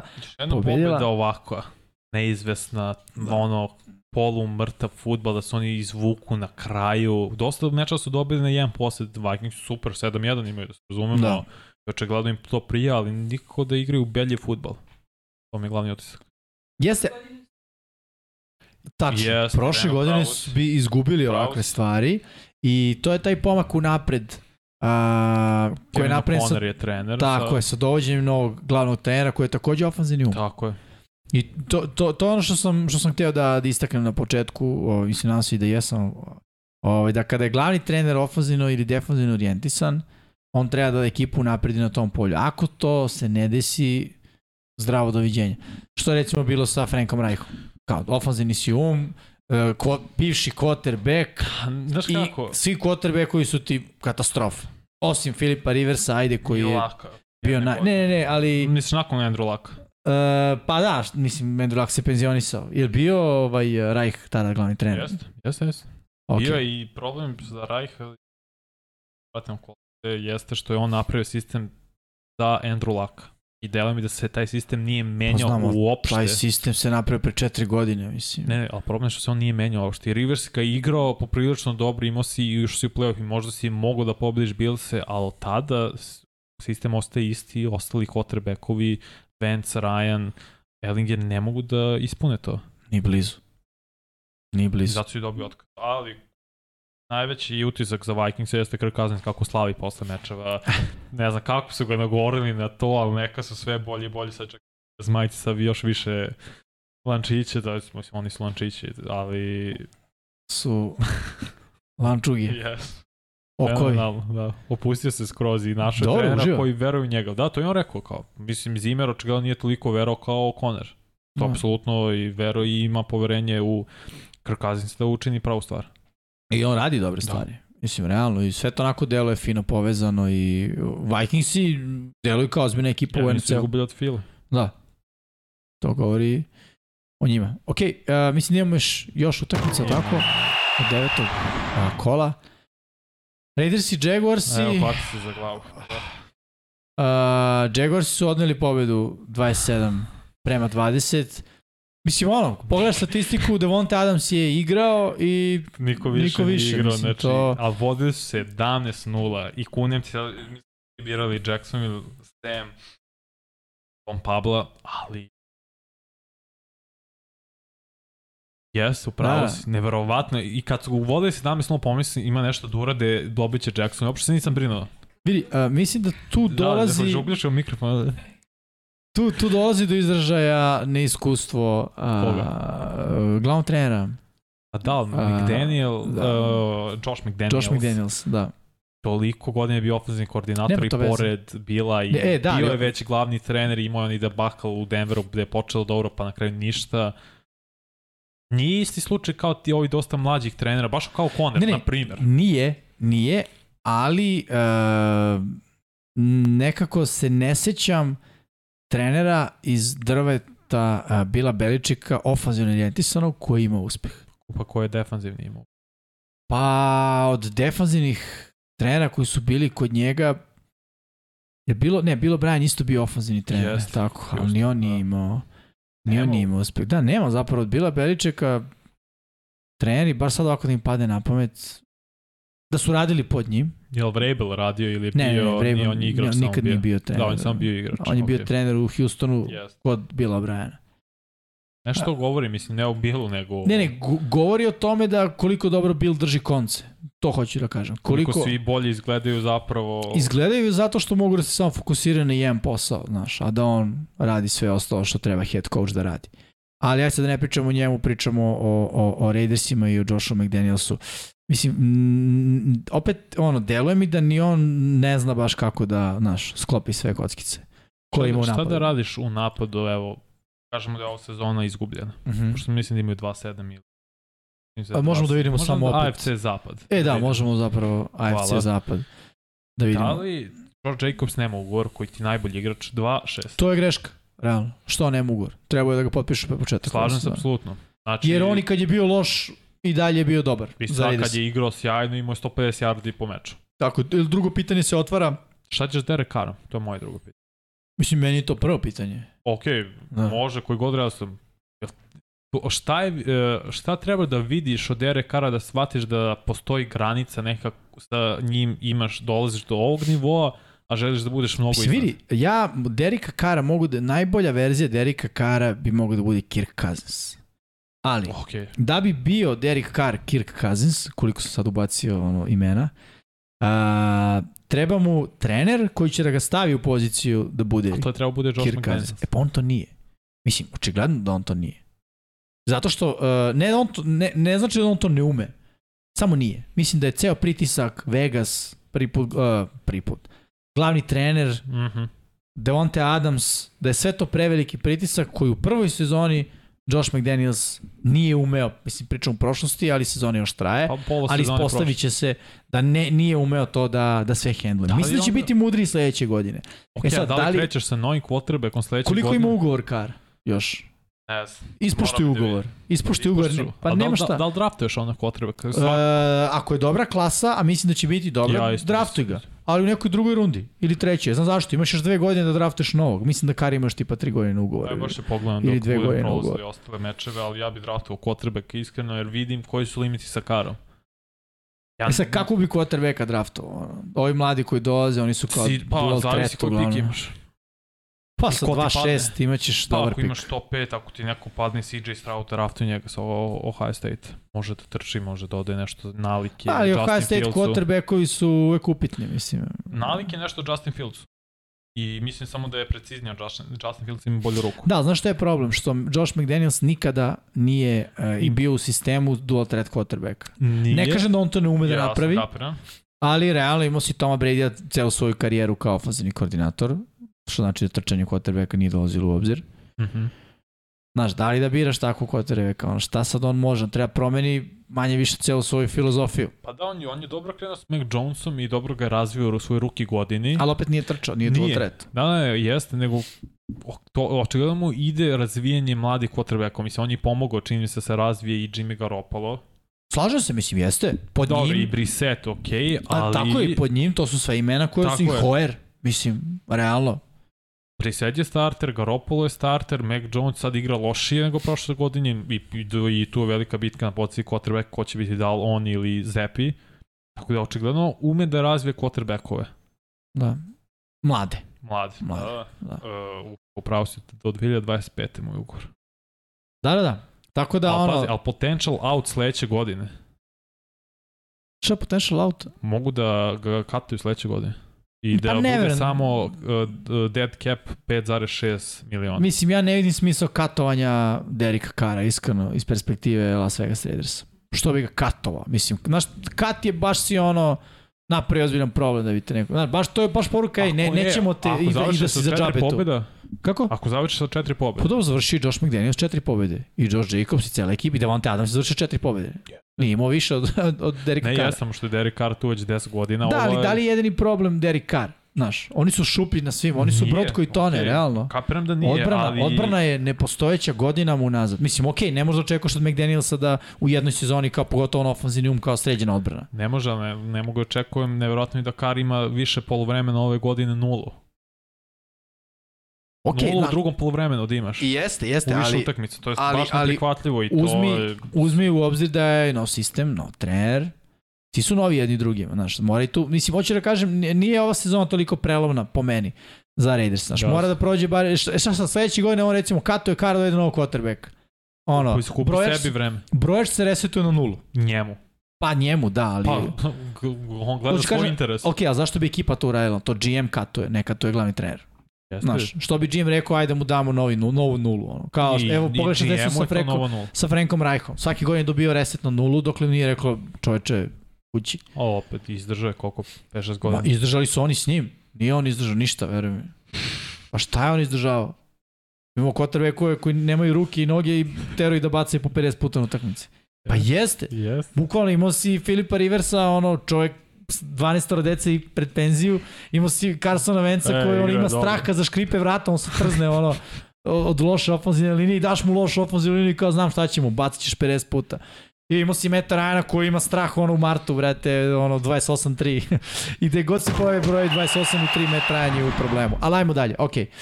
Raidersi su izgubili još jedan uh, nastavak njihovog problema. Seattle proti Karoline. Meni je. Seattle, meni je Seattle nača ekipa ove Yes, sezone. Znači ja sam fan Seattle Seahawksa. Ja sam I fan ono- kad je Gino Smith imao onu izjavu, znači to. Ko izjavu, ko izjavu? Pa Na početku, po, posle prve nelje. Zaboravio sam šta je veše. Znam da je bilo nešto Uh, zabavno. They wrote me off, but I didn't write back. Da, da, Mnogo da, jako. Od tad me kupio, rekao, ma to je to Seattle. Tako, prvi su u NFC zapadu, 6-3 imaju idu, idu sad u Minhen, proti Tampe pričat ćemo više, igraju zabavan futbol.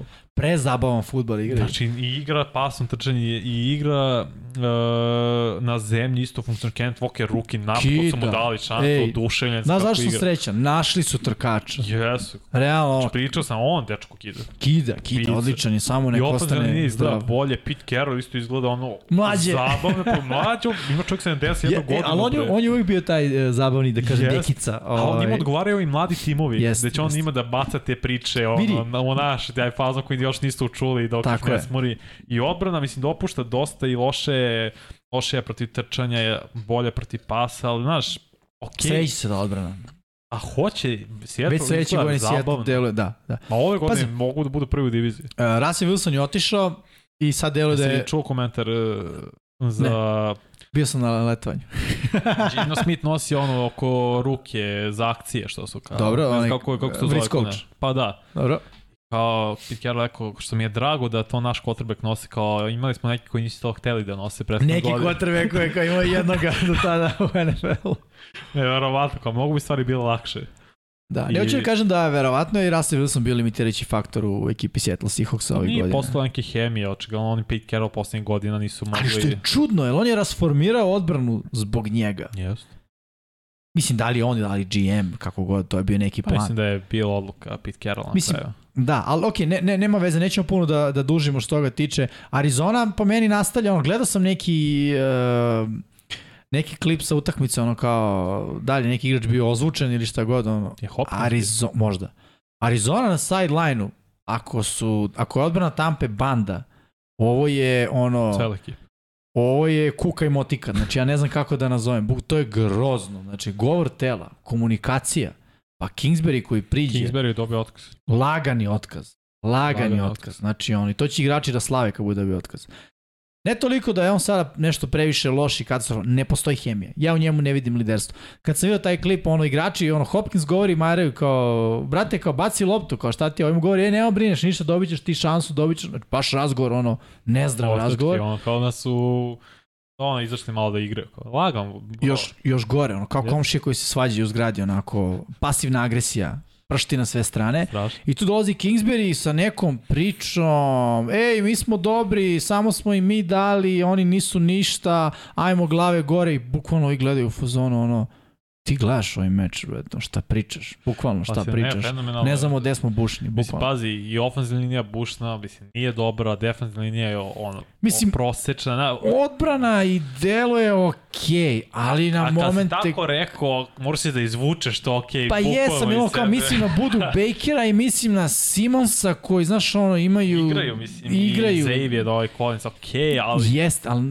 znaš, nije to kao, Nije, nije, nije, nije nije, to dobro, kao ovaj, uh, u kojoj smo beše odbrani, bre, pričali, mi je stao mozak malo pre, Uh, kao recimo odbrana Tennessee na kraju dana, koja, znaš, zadrži Chiefs na 17 poena, znaš, ova odbrana se raspadne jednom trenutku, mislim, Jeste. ono, drže nešto pa se onda dezintegrišu jer napad. Nema hemije. To su i najveći problem trenutno Arizone je Glavni nedostatak hemije, što zapravo jeste glavni trener. trener. Ajmo dalje. Ajmo dalje. Još dva meča, Evo, brzo, nije još da. još dva, još dva novih grafici. to. Dobro, rekli smo za ova Rams, dva, tako da Buccaneersi, to smo cepu i prošli, dalje, Chiefs i Tennessee. Titansi takođe E, prošli I, i smo imamo. Ravens i Saints i to smo prošli. San Francisco, Denver, Cleveland, Dallas, Giants i Steelers su bili na spavanju, to jest na To baju. na baju, tako je. I možemo pređemo na heroje. Ajmo odmah i, na uh, pozitivne heroje, džokere, tragičare. utiske. Ako je problem. nedelje broj 9, odnosno krenemo sa herojima. Meni je Patrick Mahomes. Meni je Patrick Mahomes jer uh, je mađioničar. U svakom smislu. Ja uživam da ga gledam i Patrick, you're a wizard. kako? Patrick, you're a wizard. Eto, može i to. Stvarno uživam da ga gledam i ove nedelje uh, videli smo već koliko ima pokušaja i moje uh, 449 yardi čini mi se onako baš je imao dobar meč, ali generalno ima fantastičan utisak na, na mene ostavlja iz nedelje u nedelju pravi ili da sve ono što smo znali već o Mahomesu, ali kao prošle godine i pretprošle je bilo možda prošle više, ono, kao, Prošle. znaš, kao šta se dešava sa Chiefsima, je to, to, Mahomes neprecizan. Ove godine on čovjek je samo uz gumicu sve to obrisao i potpuno novi. Vidi se da je, da je, da je a, Najbolji quarterback u ligi. definitivno, ali da ima tu oštrinu i tu zrelost. Mislim, ok, između njega sam i Josh Allena, ali ovaj, e, recimo, ovi su mi kreativni sa svim akcijama koje rade, to je ono, To fenomenalno. Tako da, je genijalno Sandy Rida. pa, mislim da je to kombinacija. Jeste. Mislim da sad Andy Reid i Patrick Mahomes imaju ono što su imali Belichick i Tom Brady Mhm. dugo. Ovaj, tako da za mene stvarno on bio uh, uh, uh, heroj devetog kola. Za mene je bio Mixon. Pa Mixon ima preko 200 Sve yardi, pet touchdown, mislim. Sam je bukvalno pobedio Karolinu i napokon su njega forsili dali njemu loptu Bengals i moraju tako dok se makar ne vrati Chase, ali ne smije da ga zaborave nakon i kad se vrati. Jer on može da bude motor tog tima i da olakša posao pre svega uh, Joe Barrow. Mm. Mnogo lakše i Barrow igra kad uh, moraš konstantno da puniš box za Mixona. Tako je on meni heroj. Mixi je Justin Fields jer bi razumem ga. Mislim. Jeste Četiri da touchdowna. izgubili, Četiri Tri touchdowna. bacio i jedan istračan. Tako je, 178 yardi trčanjem, taj oborio rekord. Nisam očekivao stvarno od Fieldsa i kapiram Mixi zašto je heroj, ako nije pobedio i imao tako anomalija koje uzimamo u obzir dok Srki u Jetsi njegovi. Dobro, vidi. najbolji tim u AFC-u, na takav način zaustavili ih, mislim, da opravdano heroj. Jeste, potpuni respekt. Ajmo da vidimo koga smo izabrali za džokere nedelje. Meni je Sos Gardner. Dvome se da li stavim Amad ili Sos, ali ajde Sos. To mu je dao zvanično, nezvanično ime, nije ni bitno. Ali e, ne samo ove nedelje. Ove nedelje isto Dixa, kad ga on čuvao jedan na jedan, čini mi se da Dix ima jedno hvatanje. Cele Ove godine, nedelje. dečko igra Cele godine Sos Gardner kida. Ruki. Pričamo o ruki, pričamo o cornerbacku. To je ono što je jako zanimljivo. Ruki, cornerback, obično znači, uf, dečko nije ovo college, sad ćeš malo da se prilagođaš, pa ćemo onda da vidimo šta znaš, Ne, kao tipa on- Jeff Okuda, koji nije postojao dve Mhm. godine, pa se sad opet javio i igra prilično dobro. Ovaj momak od ruki sezone, ono, baš je ono vladar a, a, a, svog, svog dela terena. I igra fenomenalno. I to ne samo jedan jedan, igra odlično u zoni. Dobar je i obarač. I jako dobro razume igru. Tako da ono, meni on baš bio Joker već par nedelja onako razmišljam da li da ga ubacim kao heroja ili, znaš, ne. Ove nedelje nakon pobede Billsa bio sam, nad Billsima bio sam u fazonu, ono, mora. Ja mislim i opravda, meni je Ruk još jedan safety Kirby Joseph iz Detroita koji je imao dve presečene lopte, imao je 10 teklova i tri puta još i odbio loptu, je stomano pass deflect protiv Aaron Rodgers koji dalje dvostruki MVP za redom i stvarno je dečko odigrao vjerojatno čitav odbran, Detroit igrao vjerojatno u ovom posebno sa te dve presečene lopte, tako da je meni Kirby Joseph. Da, Jokić. Miksa je izabrao Kenjona Drakea, Baltimore. I rekli, Trkač. najbolji meč u sezoni, 24 Jest. nošenja, skoro 100 yardi. Predvodio. Tako je. Tako i s obzirom da Baltimore nema baš jasno ono situaciju u backfieldu, Mhm. čeka se Gus Edwards da, da ozdravi J.K. Dobbins, Kenyon Drake je tu negde više uskočio kao neka ono, A, Neka- kao da čisto popunim to prazno. tako je da bude dodatak, ali odličan meč za njega ove nedelje, to je I prošlo. Syracuse za Dario Smith koji opet ima par sekova, koji za sezonu ima 8,5 sekova i u top 5 je što ga tiče i odlično potpisivanje mm Mhm. -hmm. za Minnesota. Mnogo je očigledno preporodio tu odbranu, pogotovo pass Jeste. rush za, za Minnesota i za Dario Smith sve pohvalne. Nisam očekivao da će igrati ovako nakon što je napustio Green Bay. Odličan je. Ajmo da vidimo tamnu stranu nedelje broj 9, odnosno tragičare. Pa da počnemo. Las Vegas Raiders, Oh. mislim da sam ih dovoljno nacrnio kad smo objašnjavali, kad smo pričali o njihovom meču. Ali, zaista, mislim, mogu da vidim svetlo na kraju tunela za, Ja ne uh, za njih.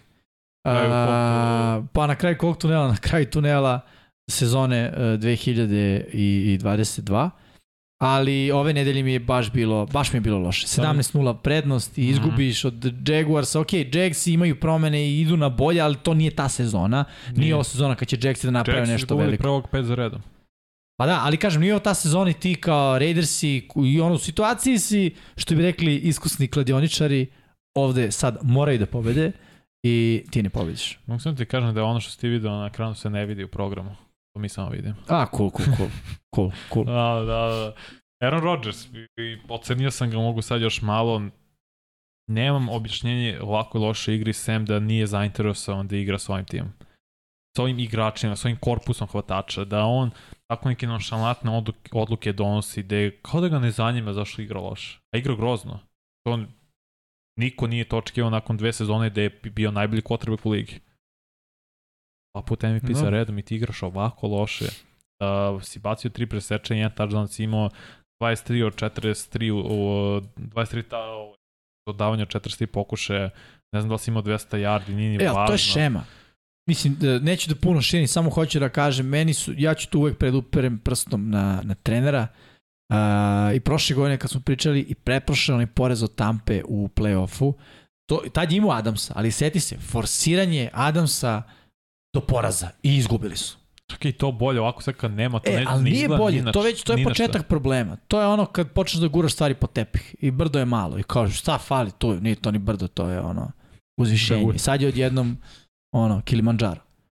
Realno. Jer ti, znaš, to je ona ne, neosnovana vera da će jedan čovek da uradi posao celog tima. Što ima i Tampa sa Tom Bradyjem, znaš.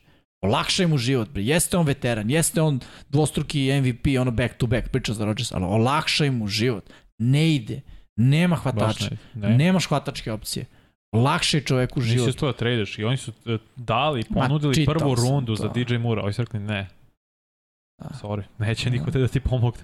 Tako je. I zašto bi, mislim, Sam sebi dao to. Tako je, ajmo dalje. Da imamo ko su bili tragičari za a, a, a, Srkija i za Miksu. Miksa je izabrao Indianapolis kolce. Već smo pričali nakon ovog poraza i debakla glavni trener je dobio otkaz i onda je zaposlen Jeff Saturday sa ono, high school iskustvom. Delo je kao početak jedne tragične priče, ali vidjet ćemo. Mislim, nije čak ni A početak, neka tragična sezona od početka. Da, Realno. Trkio Josh Allen, što ima smisla, dve presečene lopte, Da. dva fumbla bez jednog touchdowna pasom, dodavanjem. Već dva meča za redom Josh Allen baca po dve presečene. Mhm. Ne sviđa mi se to uopšte i prošle godine u sred sezone isto Buffalo imao par padova da je igrao slabije, tako da ono, nadam se da to nije neki ponavljajući pattern. I vidim zašto je tragičan. da, Da, vidjet ćemo. aha, podigni to da se lepo vidi. Bravo. Ovako? Da, da, da. Sve vreme kako mi se majica nešto loše lomi, izgledam kao da da ne trenira. da. ovako mi se nešto majica lomi. onda vidio sam ovako- story na Instagram. Usitnice. Ali nema veze. Uh, to nije sada bitno. Ja, uh, dalje šta imamo s- u naše prognoze, pa ćemo onda preći na ovo kolo i to ubrzat ćemo se, obećavam. Tako da možemo vidjeti naše prognoze od prošle nedelje. Ajde. naše prognoze za nedelju broj 9. Pogađali smo... E, dobar sam bio, iskreno. Jel? Jes. Pa ja sad ne sjećam se kakav sam ja bio da budem mislim, sad ću se postaviti. sam proverio kakav sam na našem uh, pulu. Tu smo Šesti. baš dobri, brate, tu smo baš Kida. dobri, vidjet ćemo posle geografiju, tu smo baš dobri. Ajmo ovako, Fila Houston, svi smo birali Filu, svi smo pogodili. Chargersi protiv Atlante, ja, Veliki Srki i Pablo smo izabrali Atlantu, promašili smo. Vanja Miksa Srki rekli Chargersi, bravo. Miami, Chicago, svi smo izabrali Miami, Miami, bravo za nas. Carolina, Cincinnati, što mi niste rekli, sam jedan izabrao Karolinu, čovječ. ja sam mislio da ćete skočiti u taj čamac, ali dobro. Ja, ja sam jedini omano s Karolinom. Green Bay, Detroit. Pablo je rekao Detroit. Da. Kakav znalac. Ej. Kada ga vidim, reći mu bravo. Mi smo svi rekli Green Bay i omanuli. Indianapolis, New England, svi smo izabrali New England i svi pogodili. Buffalo proti Jetsa. Pa čekaj, Jerceg je izabrao Jets. Bravo, Srki. Bravo, Srki, ako ovo gledaš tamo negde u univerzumu. Uh, svaka čast, mi smo se svi zacrvenili sa Buffalom. Minnesota, Washington, svi smo rekli Minnesota, svi smo pogodili. Uh, Vegas proti Jacksonville, Pablo izabrao svoj ljubljeni Vegas i Drži promašio. mora. Ok, 17-0 na polovremenu je vratno bio u fazonu. Mi smo izabrali Jacksonville pa i pogodili. Uh, Seattle protiv Arizone, Pablo izabrao Arizonu, promašio, Seattle pobedio. Uh, Ramsi protiv Tampe, ja i Miksa smo rekli Ramsi, međutim Tom Brady u poslednjem drive nas je demantovao. Uh, Tennessee protiv Kansas City, a svi smo izabrali Kansas City i došlo, tesno, ali došlo. I na kraju Baltimore, New Orleans, ej, dobri smo bili čoveč, nije bilo puno promašaja. Svi smo izabrali Baltimore i svi smo pogodili.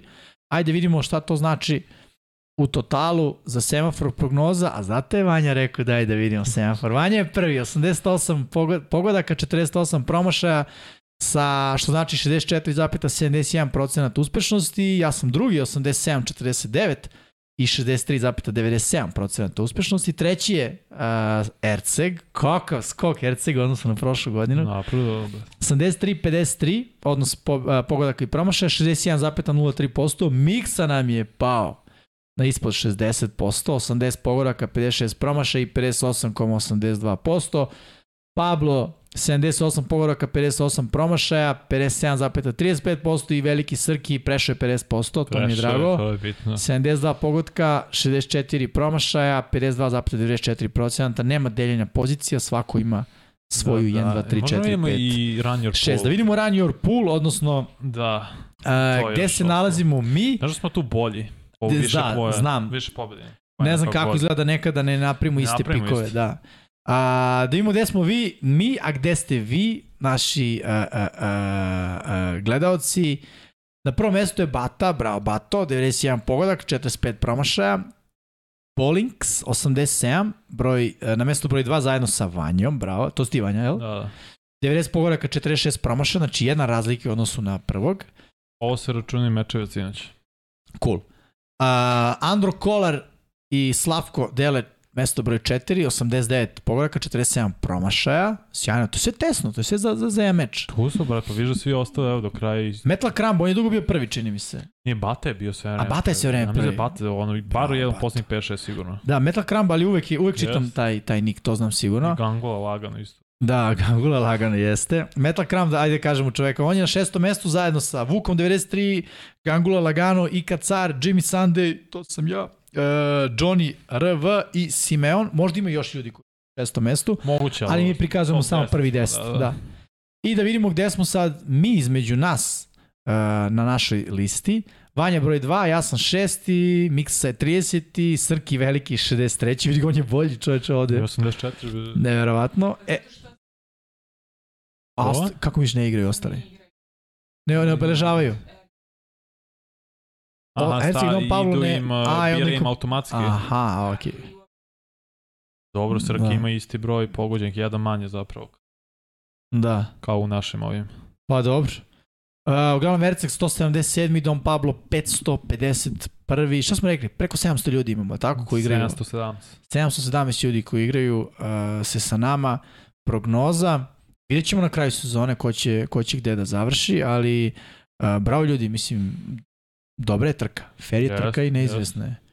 Kao Da. NFL sezona ove godine. Da, cilj je završen u top 10. Da, To mi svi, okej. ali sad Dom Pablo sumnja će biti broj 10. Sa 551. mesta to je bio istorijski skok. To je bilo nerealno, bukvalno treba bude savršen do kraja. Da, može Ko čak zna. i, i nema, nema šanse. Ok, ajmo na najavu za na najavu zapravo desetog kola. Možemo da vidimo što je poslao Đole. Ajmo. Pa, A, naš drugar Đole Marković se nalazi u Minhenu, čovjek živi tamo, ako se ne varam da li živi u Minhenu, u nekom drugom gradu, ali živi u Nemačkoj.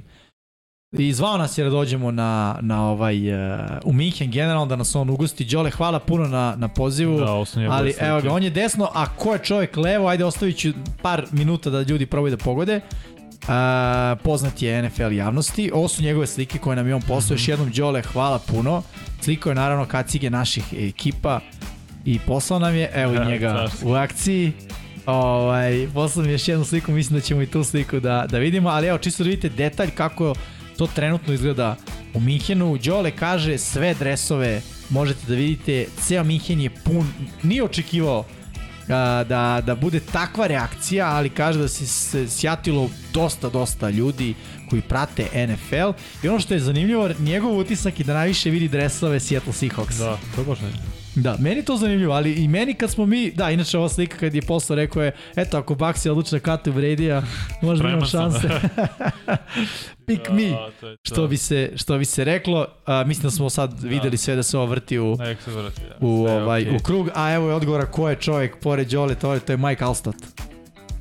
Legendarni fullback slash running back Tampa Bay Buccaneers. Kaže Đole, smršao je, isekao Kako on bio se. nezaustavljiv zapravo Da. tih na početku tih 5-6 godina sa Da. Baksima. Bu, on je bukvalno To je trčao- početak 2000 ti Da, čini mi se. trčao on je besno kao Derrick Jeste. Henry što sad trči, Jest, nevjerojatno. jest. I bio je poznat po onome uh, velikom shoulder padu i neck rollu koji je nosio i delove još veći. I ovaj, uh, ovaj iz Dallas linebacker, uh, Van Der Esch. Uh, Van Der Esch. Uh, drugačiji. Van Der da. Esch ima onaj, ne, on ima onaj, uh, Mislim slično, baš ne kako taj zove. Da, uh, Alsut ti nosi taj neck roll, tako se zove. On se kači na shoulder pad i ide celom širinom oko vrata. A ono što Van Der Esch ima je samo pozadi, ne da glava ode A, unazad. jasno, to je jasno, kao jasno, neki, ne znam kako se on tačno zove. Možda se oba zovu neck roll, ali Neck drugačije, drugačije ovaj, uh, Strava. izgledaju. Još jednom, Đole, hvala puno. Inače, Nik uh, Favela Kube, čisto da, da, Da, znate da. o kome se Piše radi. često, puno pozdrav.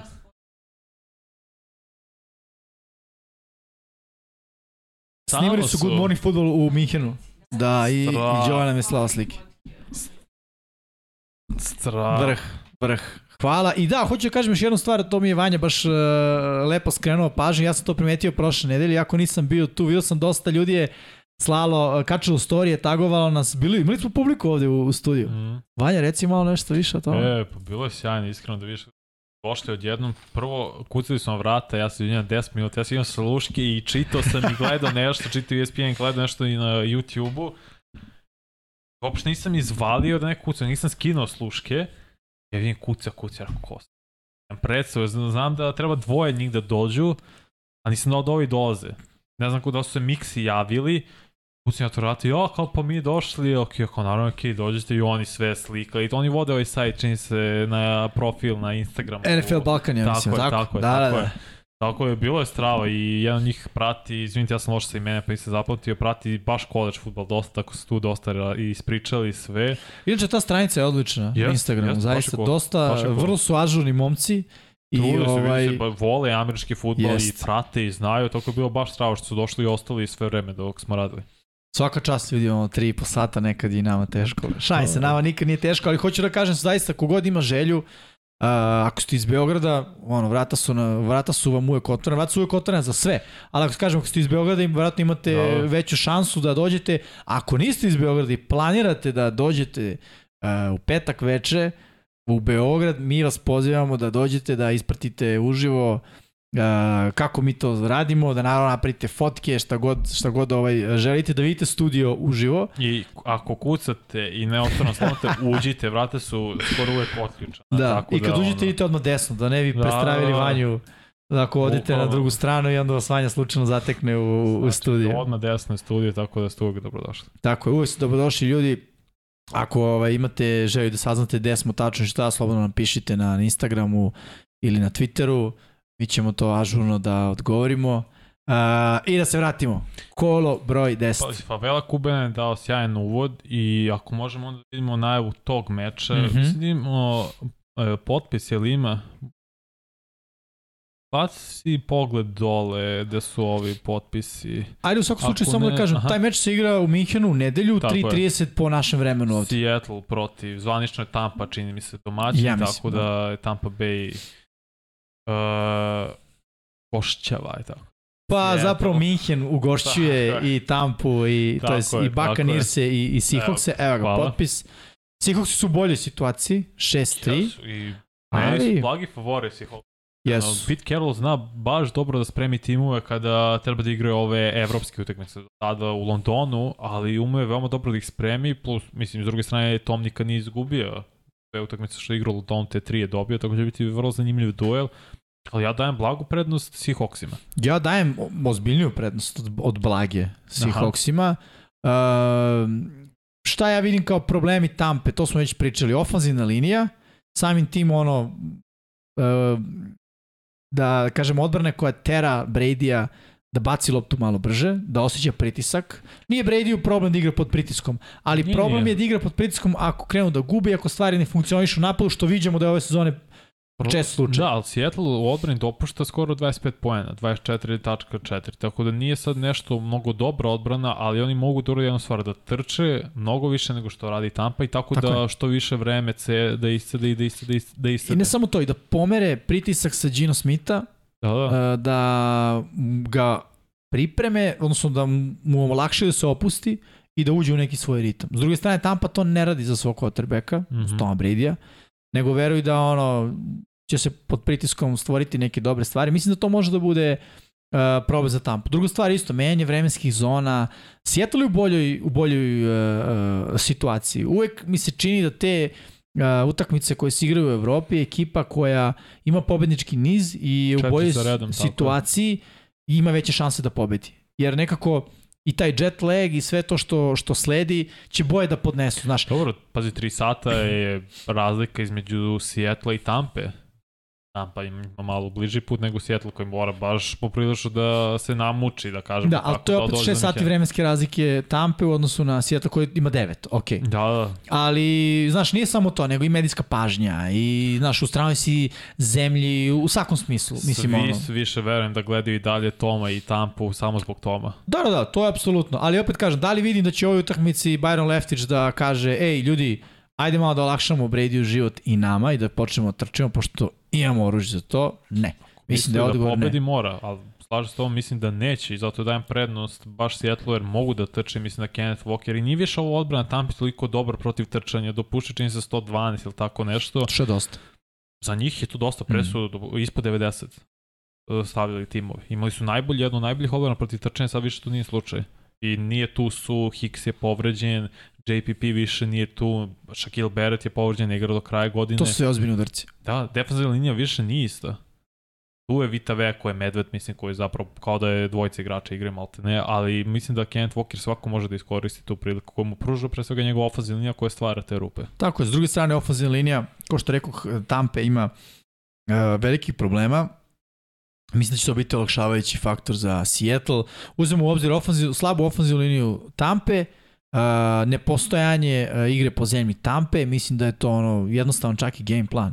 Vrši pritisak na, na Brady-a, ne prevelik, ne sa šest ljudi, ali ono, sve na vreme pet, stantovi na trećem downu, mm -hmm. da zbuniš ofenzivnu liniju koja nije dobra, da Brady staviš situaciju da ono mora da se oslobađa lopte ili da prihvata sek, a s druge strane ti u napadu samo budi ono a, a, kako se to kaže ono Drži se svog game plana. Imaš i dovoljno oružje i igre trčanja i pasa, može Gino Smith se poveži sa DKM i sa Tyler Lockettom, igre svoju igru. tako i ono pound the rock Tako trči je, tako trči je. umara i tu odbranu koja je onako krnja i onda oslobodi za Jedino koga quarterbacka mogu pohvalim u ofenzivnoj liniji Tampa je Tristan Wirfs koji igra opet i a da, dalje to je neverovatno. jedan od pet Jedan od pet, nažalost, on stvarno, on skoro da ne dopušta bilo kakav pritisak no. sa te desne strane.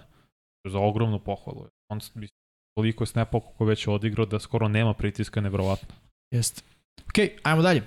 Šta smo još Šta izdvojili je- kao pa važan meč u nedelji broj 10 Vikingsi protiv Billsa. E sad, Josh Allen, ja sam pročitao još juče neki izvori da neće igrati sigurno. Znači da je Ja nisam ono... pročito sigurno, Ali... ali... Nije, nije, nije to zvanična informacija mm. -hmm. Buffalo Bills, nisu rekli ne, ruled ne, out, nisu, nisu. ali nije trenirao ni u sredu ni u četvrtak. Mislim da neće da forsiraju i da rizikuju. I ja mislim da nema smisla. Jer prvo ovaj meč protiv NFC-a tima, znači ne utiče toliko na playoff sliku da što nije u konferenciji. Drugo, potreban ti je zdrav Josh Allen jer očekuješ očekuješ od prve svega od samog sebe da ideš daleko u playoffu. Tako je. Nema potrebe protiv neke Minnesota koji jeste i, baš tu igra vrlo dobro i igra taj neko čudan futbol da nisu ubedljiva, pobeđuju na kraju, ne, ne vidim razlog zašto bi ti forsirao Josh Allen da igra sada Da. sa povređenim laktom uh, uh, desne ruke s kojom dodaje. Mislim, šta ja tu vidim? Uh, Šta Case ti Keenum, od ovoga? Case Keenum startuje, Vrlo dobar backup. Devin Singletary, zvezda večeri, Ni Hi- uh, Heinz su, su za isto i njega su tako je, njih dvojica, znači on igra po zemlji, Ovaj Cook, pardon, ne Zach Moss. Da. Tako Ima, ima opcija. igra, igra po zemlji mora da, da se kida, da cepa. Prvo, da se uh, ono, ustav, uh, ustanovi balans, da se vrati balans. Nemo kažem ustanovi, dobro radi to Buffalo Bills. Prošle nedelje to nije baš bio balansiran napad, ali ovaj da se vrati taj balans. Uh, daš Allenu u nedelju off. Uh, Case Keenum će da odradi posao, on je čovek za ono jednu, dve utakmice u sezoni. I igraćeš, uh, s druge strane imaš Minnesota koju, imaš dobru odbranu, koja može da igra protiv Minnesota. Mi- Ne mogu samo da kažem, Mhm. samo zaustavi JJ-a i to je to, nije, može Minnesota, ali fokusiraj se da zaustaviš JJ-a, mogu, mogu to Billsi, Billsi mogu da izvrše pritisak, bolja je ofenzija linija Minnesota, Cousins ima dovoljno vremena, ali i dalje mislim da možeš da igraš sa njima ono close game i da na kraju na odbranu doneseš svoju pobedu i da to bude ono što bi rekao Toni Romo 24 to 20 game. Pa da, kapiram. Jedin problem je ovde što je dosta Josh Allen zaslužan i za, on je zaslužan za 82% yardi Billsa, što je najviše u ligi, 99, 92% touchdownova, što isto najviše u ligi. Znači, ogroman deo ti napada Billsa oduzimaš ako Josh Allen ne igra. Pa oduzimaš, ali... Plus, odbrana Minnesota ima presečenu loptu poslednje 3-4 utakmice, oduzela je 14 lopti. Koriste šanse. Rekli smo za, za Darius Smith igra odlično, sigurno će biti pro bowler ponovo. Dakle, odbrana Minnesota koristi svoje prilike, oduzima napadima loptu i mislim da tu imaju prednost sa te strane više i kontrolisat će ritam igre. Mogu da trče, mogu da igraju pasom ozbiljno. Mhm, Možemo li samo da vidimo uh, sever NFC-a? situaciju. Tu je Minnesota broj 1 Broj 1 ubedljiv. sa 7-1. Mislim da uh, to lagano sad idu do osvajanja divizije. Da, da, da. To, pa, pre početak sezone sam tako nešto i nagovestio, ako se Jes, sećaš. jes. Ja nagovestio, čak rekao da će se desi, ali okej. I imamo Minnesota 7-1, od čega u konferenciji 6-1. To znači da imaju samo jednu pobedu protiv AFC ekipa. Uh, to jest jedan meč i jednu pobedu. Ne mu setim uh, protiv koga su igrali Da, Ko je bila ta ekipa Sad, mora bi vidjeti. iz AFC-a, ali Deo mi da će da očisti diviziju. Da će očistiti Pa, diviziju i i meni to deluje. Da neke će, druge pozicije, e, možda čak i prve da krenu u, u playoff. da, misliš prve pozicije iz njihove divizije? Ne, ne, iz konferencije. Celog NFC-a? Ne, ili prvi ili drugi, da, da. Ok, mislim nije nemoguće, ali... Gledaš, gledaš sad, sa, Seattle ima 6-3, on je prvi u NFC zapadu, na jugu, Da, ali Bucks Eaglesi 4-5. imaju... Ne kažem prvi ili 8-0. druge pozicije. Da. Ne, ne, nisam moraju. kažem prvi ili drugi. Ja bi da Eagles imaju 17-0, zato što je to Ja ne bih. redkost da se vidi, Da. ali kažeš, ne bi me čudo da Minnesota neki čudom završi prvo. Da.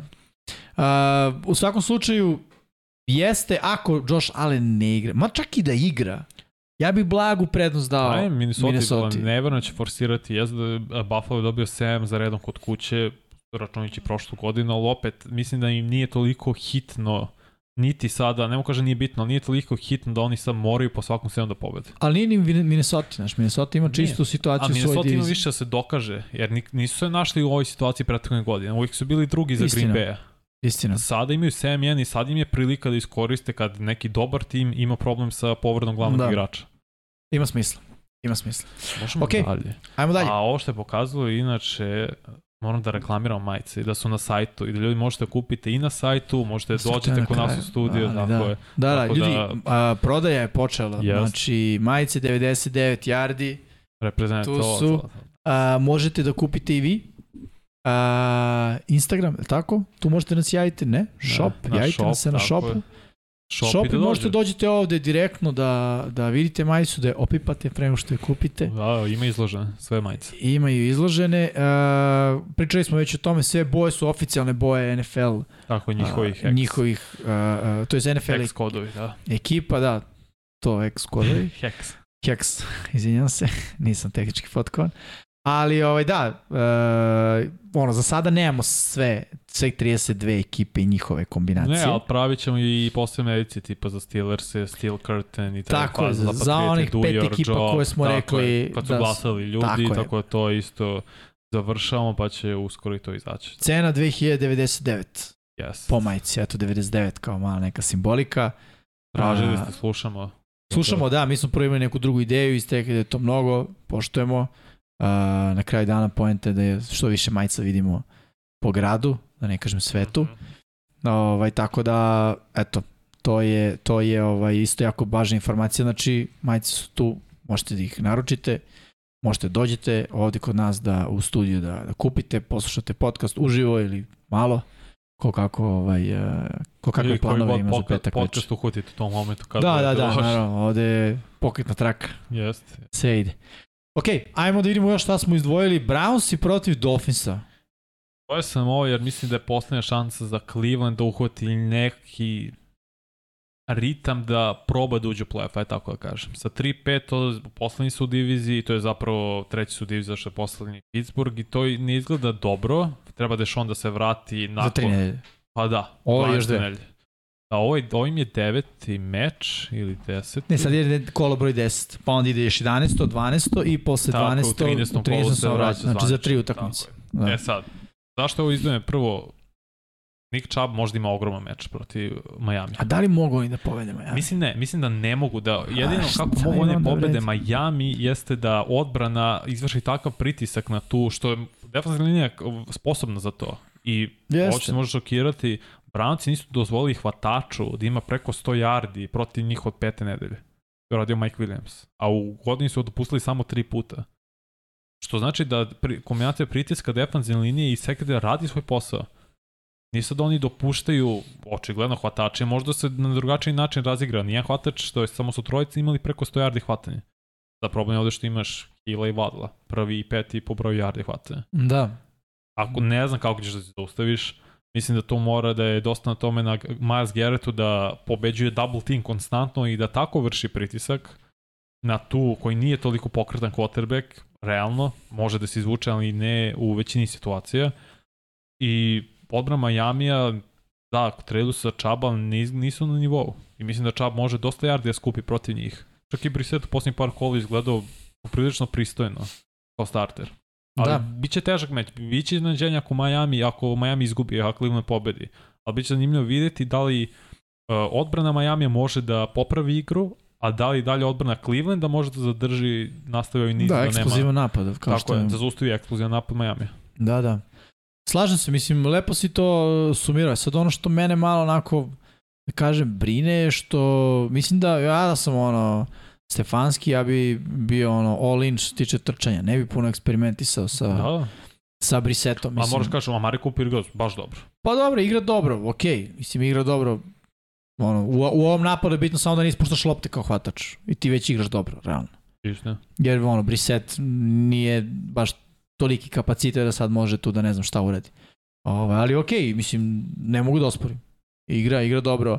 Mari Cooper, mislim da je bila vez da na Džoku neće igrati. Da Čini mi se, da. out za ovaj meč. To isto može da bude ovaj udarac za za Cleveland jer je on dobar i bloker i učestvuje Mhm. aktivno u toj, u toj šemi uh, trčanja koju igraju Brownsi, ali ne znam, meni sve čini da je ova sezona iskliza za Brownsi, ali delo je da su oni se sa tim pomirili još na samom startu kad je Watson dobio suspenziju. Prvo je bilo šest nedelja, tako? Ili sedam. Šest. Pa je onda povećao na 12. Na jedan- 11. Mislim da će oni ono, neće tu sad biti, mislim, moje mišljenje, kogod očekuje neki vatromet u 13. nedelji kad se on bude vratio, e, da će to sada pršti na sve strane, Neće. nije to realan Potrebno scenario. vreme. On čovjek nije igrao skoro dve godine, mislim. Isto. Tako da treba će vremena, ovaj, jer to su mnoge stvari, on ne može da trenira sa ekipom. Mislim da može, sada je od o, krajem oktobra mogao. Zvanično, ne znam tačno Da. koji datum, ako neko zna nek napiše, ali da, sa ekipom je trenira I, ali videli smo u predsezoni da postoji određena vrsta rđe, znaš. Pa, Kad ne igraš toliko dugo, Naravno. ostavlja trag na tebi. Apsolutno, Koliko god da si ti bio i sjajan i top 5, top 10 quarterback, šta god, potrebno je vreme da se vratiš u taj ritam. Tako je, ono kada igrač igra non stop, kada ima iskustvo, igra se usporava, kad ne igraš, igra se, da kažem, ubrzava za tebe, odnosno, znaš, nisi navikao na, na, na, na te stvari, ono. Jedno je sedeti kući i analizirati, a drugo je biti na terenu i ono osjećati Da, pritisak i donositi odluke u deliću sekunde. Ali okej, slažem se tom, ovo može da bude jako zanimljiv meč. Ja nekako vidim ovde pobedu uh, Dolphinsa kao mm, no-brainer, što bi se reklo, odnosno bez puno razmišljanja. Ali okej, neće Brownsi sigurno onako pokle, pokleknuti bez, uh, bez borbe. Dobro, Slažem a, imamo još neki meč, ja mislim Imamo da... još dva. Imamo još dva, super. Ajde imamo šta smo još izdvojili za nedelju broj uh, 10. Cowboys i Packersi. Ono se ovde izdvojem. Ovo je ipak i izdvojen meč. Mislim, ovo je ono, uh, zadnji voz zadnjeg voza zadnjeg voza za Packers. Jeste. Jeste, i mislim, zvanično je proglašen ono America's Match of the Week. Oh, Znam zašto. To- Tako je kako, mislim. Je uvek kad je Dallas u pitanju i još plus. Da. Green Bay, dve istorijske franšize. plus NFC obe ekipe, mislim. Tako je, tako na Lambeau Fieldu. Da. Jeste veliki meč da Green Bay igra loše i upravo si, ovo je prilika da se nešto promeni, poslednja prilika. Da li će moći, ne znam, jer Dallas predvodi ligu sekovima, s utakmicu manje. To je problem za Green Bay. 33 seka, imaju 8 Da. mečeva. Rodgers je sekuo na 18 puta, bio je pod pritiskom 91 put za ovih 6 mečeva, 9 mečeva. Da, da. To je previše. To, to Packersima ne ide nikako uh, Plus, rekao sam, Bakhtiari, Jenkins, pitanje je da li će igrati i koliko snapova će igrati, a Micah Parsons samo čeka prilike da igra protiv slabih ofenzivnih linijaša i da njega dubluju Lawrence, uh, ovi što su potpisali uh, u, pre, u međusezoni, stalno mi beži njega ime, on ima isto čeka čeka kao i Lawrence, koriste te prilike, oni su onda imaju jedan, jedan, jedan, jedan matchup. A plus ni odbrana ni sekundar ne izgleda loše, dig. Mislim, vidi, idealan, idealan Mhm. scenarij za odbranu Dallasa. Imaš Green Bay koji ne trči. To moraju da rade. To, I ti kao Jer je Dallas, Dallas, loš protiv trčanja. upravo tako, ti kao Dallas uh, si bolji kao odbrana protiv pasa i dobar si u vršenju pritiska i ovi će to da ti daju. Daći ti ono veliki broj pokušaja Arona Rodgersa koji nema neku sezonu, hvatače koji su osrednji i ono, za tebe to je zaista dobra, dobra situacija u, u kojoj ćeš uh, da budeš. Tiče napada Dallasa, isto ono, odbrana Green Bay-a, eh, Pa odbrana više Green. Bay-a dopušta svega 170 yardi pasu. Dopušta mnogo trčanja i tu možda će Tony Pollard i Zeke koji bi trebao da igra nakon što je odmarao, tu si imao baj da iskoristo, ali vidjet ćemo hvatači Dallasa nijedan nije imao 100 yardi hvatanja ove, ove sezone. Da, To se nije desilo od 73. meču. Da. Možda je to i prilika i za njih protiv ovakve slabe. Mislim, nije ni slabo, ali kaže druga je protiv igre pasom jer dopuštaju mnogo kroz uh, na zemlji. Tako da ako sad može i Dallas da uđe neki ofanzivni ritam, tiče hvatača, jer CD Lamb, uh, Michael Gallup, onda ovaj iz, što je došao iz uh, James Washington, Mhm. nije to nešto wow. I priča se da su oni favoriti za Odell Beckham Jr., što ja mislim da bi im super legao i da, im do, Da. bi im dosta značio. Mislim da ne bi. Mislim da bi to Iskreno. samo značilo ponovno spotlight na Daka i ponovo problemi koji idu sa svim tim. Ponovo to bi značilo da će oni postati Tampa, odnosno Green Bay. Ono, nema trčanja, samo pas. I zašto imamo Daka, imamo Odela, imamo ovoga, imamo onoga i to, to nije formula koja pobeđuje u NFL. Tampa ali kad je osvojio i- Super Bowl, to da su Oni trčali. su imaju svega 190 yardi pasom. To nije dovoljno dobro da ti pobediš u play-offu. Ne, ja znam, ali... Moraš neko da popraviš igru pasom. Ne znam Vidi. kako, ne znam da li imaju tako igrače ćeš da na trčiš, svom- realno. Tako što mora, moraš da trčiš, mora da napraviš balans taj. On, mislim, pričamo ko pokvarene ploče ovde o tome, ali Da. zaista je, to, to je to, to je poenta ovog, ovog sporta. Mislim, to je kao da si, kao da si bokser koji, koji samo zna da e, baca udarce, ne zna se brani. Ja, šta ureš kad te neko napadne? Evo, Knockout, mislim, ne znaš se braniš. Tako i oni isto. Ne umeju da izbalansiraju to u napadu i budu nokautirani zato što im se obio glavu što igraju 50 po- pokušaja dodavanja. Jasno, kapiram. Kao Tampa, kao Green Bay. Sve ekipe koje igraju tako na kraju, ono... Rams. Tampa najveći. Jest, jest. Ok, Uh, imamo još jedan meč, tako? Nemam, to Nemam, to. to je to. Da. Najavili smo onda s, sve ove bitne utakmice koje Tako smo je. mi zapravo izdvojili za deseto Ima kolo. koji su tu, ono, tu i tamo, sad ćemo da vidimo. Da, na trudimo se da ostanemo na pet, maksimum šest. Da vidimo šta je, je odnosno kako izgleda celo deseto kolo. Falcons i Panthers i to je već odigrano, to je e, jutros u, u, u 2 i 15. E, Karolina je imala prelepe dresove i one kacige crne, mnogo bi lepo iskreno vidjeti. Yes. Baš i, ono, i neko ve, povezani sa pričom Crni Panter izašao je drugi deo i sve vrlo Crni Panter izašao u Apatinu, ne znam si to video. Ne. Da, pojavio se Crni Panter u okolini Apatina. Ma ne, stvarno. pobegao iz Zovrta u Hrvatskoj, to sam nešto pročitao. U Hrvatskoj? Da, i pobegao iz Zovrta i negde u, u Atarima oko Bakana Apatina. Da, da. Izašao je iz bioskopa i iz Zovrta. A, da vidimo opet uh, ovu grafiku. Da, Karolina je odala pobedu. Pobedili su Atlantu. Mislim, nijemo, možda nijemo grafiku, samo da vidim koliko je ko imao, mislim da je Forman imao opet preko 100 jest, yardi, ne tačno je... koliko, ali je baš izdominirao. Forman je odigrao okay, sjajno, Mariota je imao dva pika, ako se, ako se ne varam, i to se zapravo pokazuje kao sve veći, uh, uh, kao zapravo ključni faktor u svim mečevima, ono, defanzivna linija i taj pritisak protiv kombinacije all-line kube.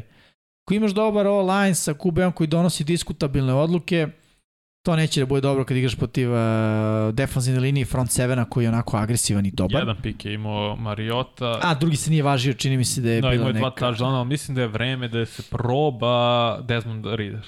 Ja bih ga probao, iskreno. Mada sad je to čupao pitanje. Znaš zašto? Falcons imaju šansu da budu prvi diviziji. Imaju 4-6. Šta bi sad imaju... to značilo? Imaš ovoga koji te dovaju u poziciju da budeš prvi? Ok, zato što je de facto divizija Grozna. kanta, realno. A, da li sad kao da kažeš njemu, e, hvala za sve, idemo sa ovim drugim momkom, pa možda budemo i poslednji. Meni Ovo, više ali... smisla ima, e, idemo sa tobom, jer ti si nas stavio u ovu poziciju, mislim, on bio si deo te te ekipe, ali... Ono Forman je imao, izvini, 130 yardi, a kao tim su imali 232.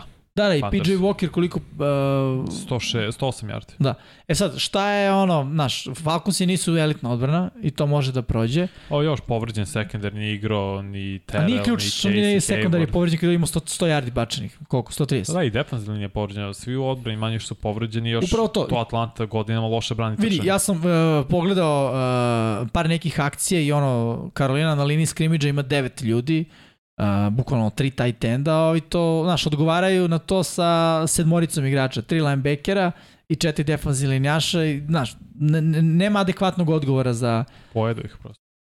Upravo to, morali su malo više se oslone na, na, na, na uh, svoj sekundari i da protiv PJ Walkera, koji nije elitni quarterback, Ali imao je u par da... mečeva gde je izdominirao ne, ne, baš protiv imao... Tampe, da on je eksplozija prosto. I sve to stoji, ali ono, treba nam uzorak, već. Istina. Tako da ja bi se kockao, ja bi napao to, to mi je slaba karika, ali okej. Okay. Dante Jackson, cornerback Carolina out. Uh. Da. Nažalost. Možemo dalje.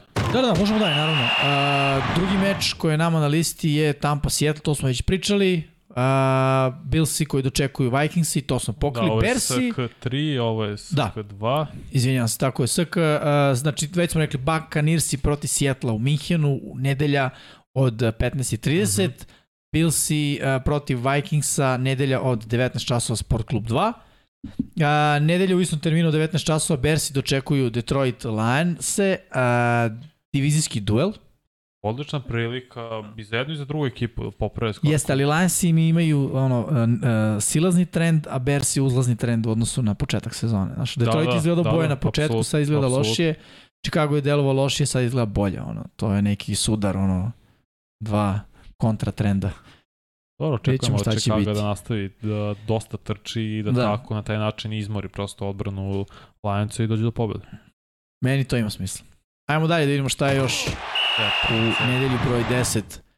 Ostalo Broncosi protiv Titansa, obi nekde u nekom paralelnom, paralelnom univerzumu, gledajući papir, bio uz bolji meč, ali Broncosi pucaju po svim šaovima, realno. I ono, ne vidim da će oni ovde biti neki preveliki faktor. Ne znam kako faktor. mogu zaustave Derhen.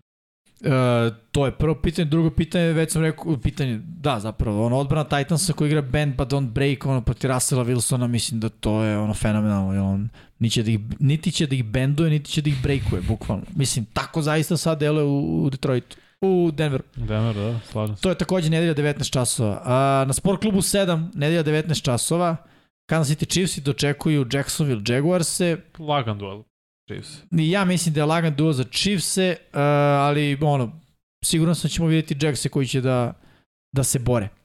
A, isti termin, Dolphinsi dočekuju Brownse, to smo već najavili. A, takođe u istom terminu, Giantsi dočekuju Texanse, mislim da će ovo za Giants isto biti da. lagano.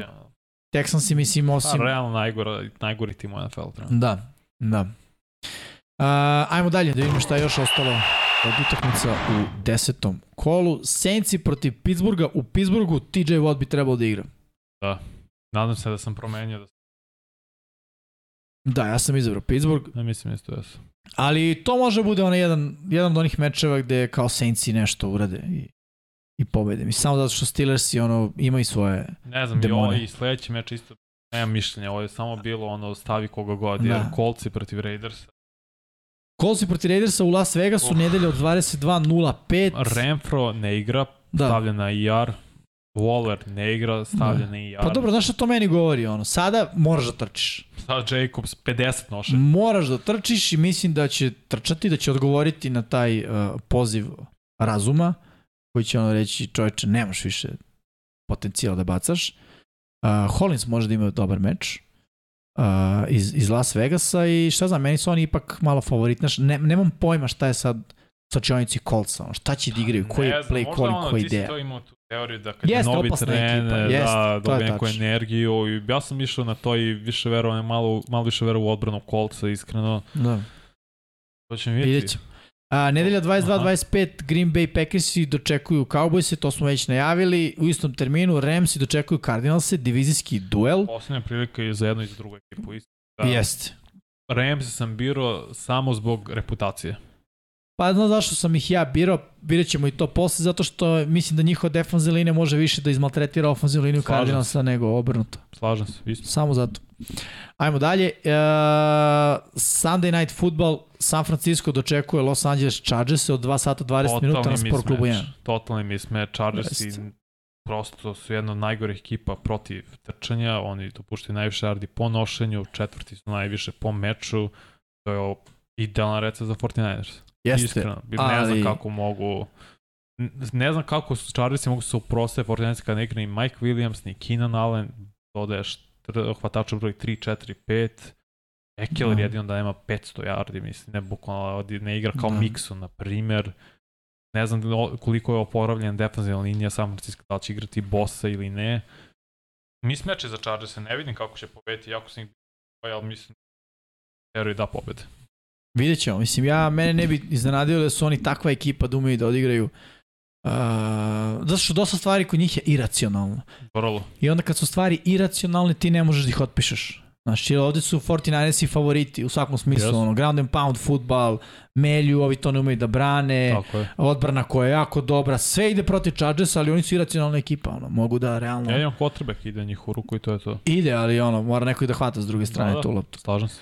I poslednji meč u desetom kolu, Philadelphia Eaglesi dočekuju Washington Commanderse. Vi se smeškate, ali ovo je divizijski duel. Commandersi su napravili promene u svom timu.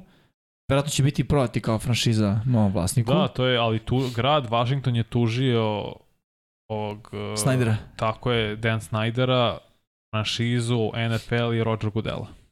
Oj, pa šta Da, hoće da da. dobiju? Ne znam šta će misliti. Državu. Tako da vidjet ću, cela ta situacija je mnogo čupava i koji će uh, sve rezultat svega toga vidjet ćemo. Mislim, da, hoće da proda od jedan franšizu, ako je se zaklada da nikad neće Dan Snyder proda, ali se zaklada isto nikad neće menjati ime, pa su više nisu Redskinsi nego futbol tim, Pa da, znaš kako. Commandersi. To su te, ja mislim, ono, političke igre i priče. Neko je otvorio fiokicu da ima nešto prljavo o njemu i rekao mu, aj razmisli. Oni znali da imaju prljavo njemu u deceniju. Pa dobro znam, ali imao je dobre prijatelje i dobro plaćao. Ima. Mislim, ja verujem u to. Ovo je sad potpuno moja neka suluda Problem teorija. je sada što da bi on prodao ekipu zvanično 24 vlasnika od 31 mora da odobri to.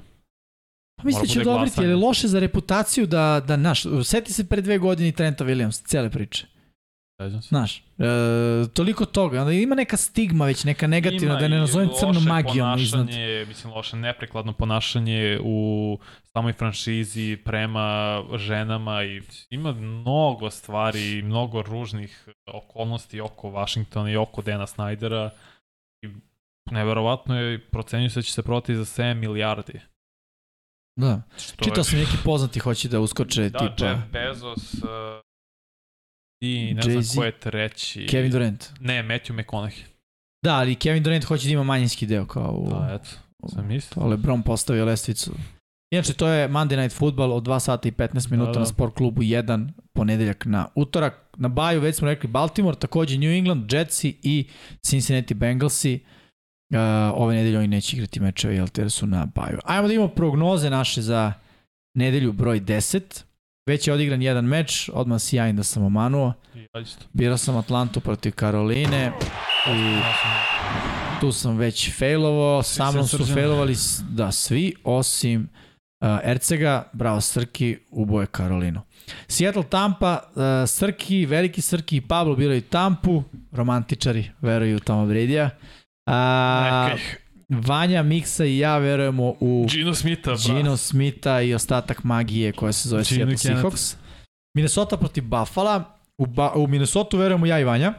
Ajde. O dobro, realno, pročitali smo, ja sam pročitao da postoji velika šansa da Ale ne igra. A, mislim da Minnesota tu ima, ima prednost. Uh, Buffalo, u Buffalo veruju miksa Srki, veliki Srki i Pablo. Detroit protiv Chicaga, niko ne veruje Detroit, zanimljivo, jako to može da se desi. Uh, Denver protiv Tennessee, niko ne veruje u Denver. Ne mogu kažem ne više da ovo ne može da se desi, jer rekao sam prečesto to i desilo se ove godine. Uh, Jacksonville protiv Kansas City, svi verujemo u Kansas City Chiefs-e, Miami protiv Clevelanda, svi verujemo u Miami. Hopa. Giantsi protiv Houstona, svi verujemo u Giants, ovo je dosadan. Uh, Dobro. Uh, ovaj, kako se zove... To birao sam Pittsburgh.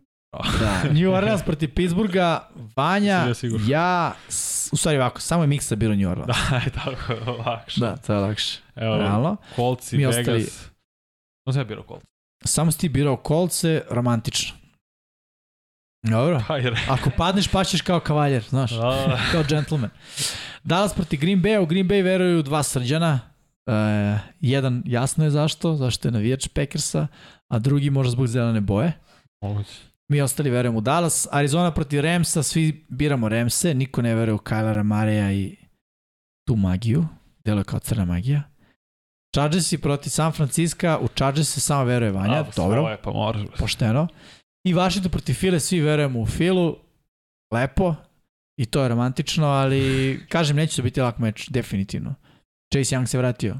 Dobro, jeste, ne izgleda i dalje ta defensivna linija kao što izgleda pre par godina. Ne izgleda, to je godine. divizija ova u kojoj underdog ume da, da, da zada težak udarac. Dobro, svi su pozitivni u ovoj diviziji.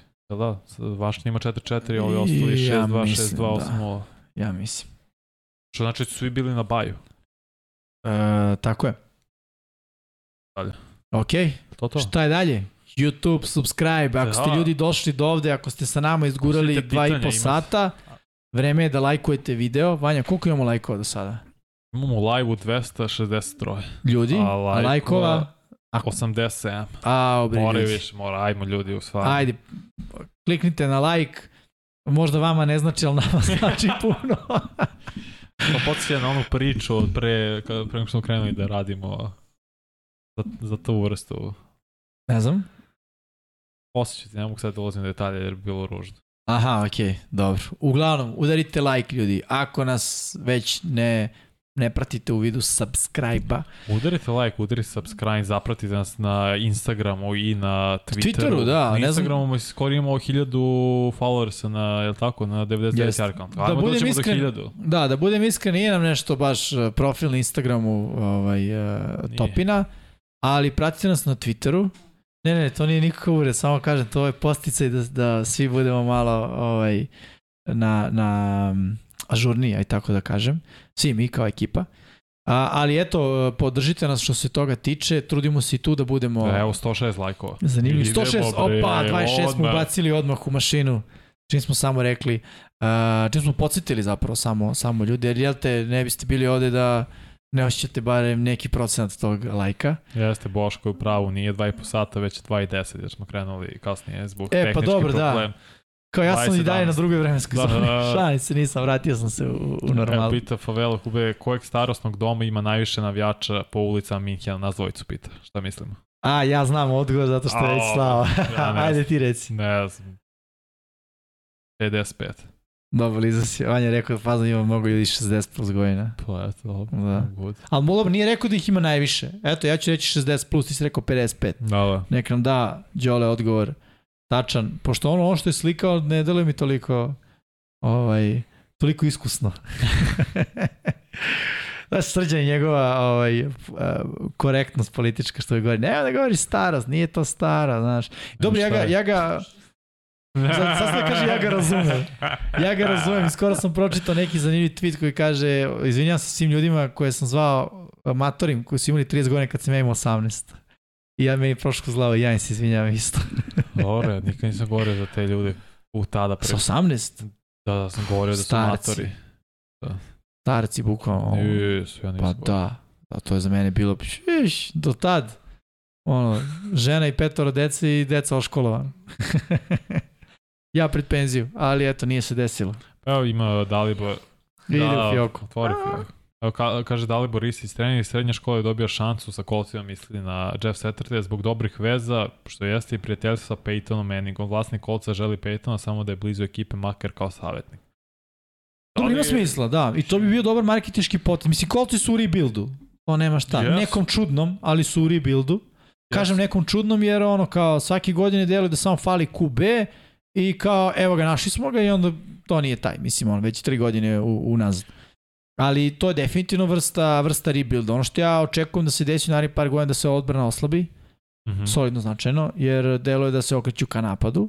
E sad, ne mora da znači, pitanje je ko će Mislim da biti novi glavni trener sledeće godine. Ako bude ofanzivno orijentisan um, što ja mislim da hoće, realno imaju dosta oružja u napadu. Znaš si Jeff Saturday ostane kao trener? Mislim, ne znam, kad smo poslednji put videli da interim coach ostao da bude glavni trener? To ti kažem. Baš treba se za, za, za, zamisliš. Nije bilo često. Baš, baš nije bilo često. Bio je, bio je jedan možda pre par godina, ali ne mogu sad ni ja da se setim. E, znaš ko? Pa dobro, Dennis Allen, jel? Kad je Sean Payton je kao... Dennis Allen razmišljao sam. Da. Ali Ali svi smo se složili da je to bilo malo namešten potez, da bi jest. morali da on je intervjuišu bio nikoga. DC, samo su ga Da. promovisali. Malo Da. ne. A, Ne mogu da seti. Todd Bowles, on nije bio interim, nije. Nego je ovaj, kako se zove... Nije Todd Bowles je bio DC. Ne, ne, nego, ali nije bio interim kada je, kako se zove glavni trener koji je Tampe, koji je, više nije glavni trener. Tampe. Da, Bruce Arians. Da li on kao dao otkaz, pa je bio interim? Dao je otkaz, ne, pa samo su promovisali. Samo su promovisali, da, nije. da, slična priča je Evo, bila. pita Expinium, šta mislite, da li može Tampa da krene, da hvata neku formu napadu do kraja sezone? Realno Ne. nije njihova ofenzivna linija što se tiče run bloka toliko loša koliko treneri rano odustaje od trčanja. To je To ono si smo rekli. da, to je si sumirao sve, znači oni samo odustaju od trčanja i Imaju do, oni ofenzivne igra, mislim, i talent u napadu i sve da idu konstantno da trči da napad. Vidi, Jedno izgleda su- bolje, ali kad god su trčali, bilo je dobro. Ne mislim trčali osam nošenja Leonard Fournette, nego ono 15 plus. da, da. Bilo je dobro. I ono, kombinacija trkača, znači ne samo Fournette, nego uposli još nekog. Kaže Saša Nikolić, može majica TB, može, evo trenutno je nosim. Tako Što da znači ima- može, kao da li imamo ili može... Ima. Pa može, dođeš da kupiš, može. Pa to kažem šta znači može. Da, imamo, evo, ovo je majica, Tako je. recimo, Tampa Bay Buccaneers. Uh, Elijah Mitchell. Šta da? Ne, ovo su Jetsi, ovo su Jetsi. Realno, mogu da budu Eaglesi. Oh. Ako baš jako verujem u to. Evo kaže It's cool, Elijah Mitchell se vraća sa IR-a, da. To jeste. I vrlo je tradovali Jeff Wilsona, Povređuje se. a jeste, sad je malo tu kn- knap na poziciji running back za San Francisco, ali opet Christian McCaffrey, sad ako se vraća Elijah Mitchell, Da, da, da. izgleda to skroz ok, Si Mitchell će da bude ono za glavom kroz zid, a McCaffrey za sve ostalo. da, realno. za fun times. Bitno je kako će defensivna linija izgleda, da li će oni biti zdravi, to je glavni ključ uspeha bio za San Francisco ovih godina. Da.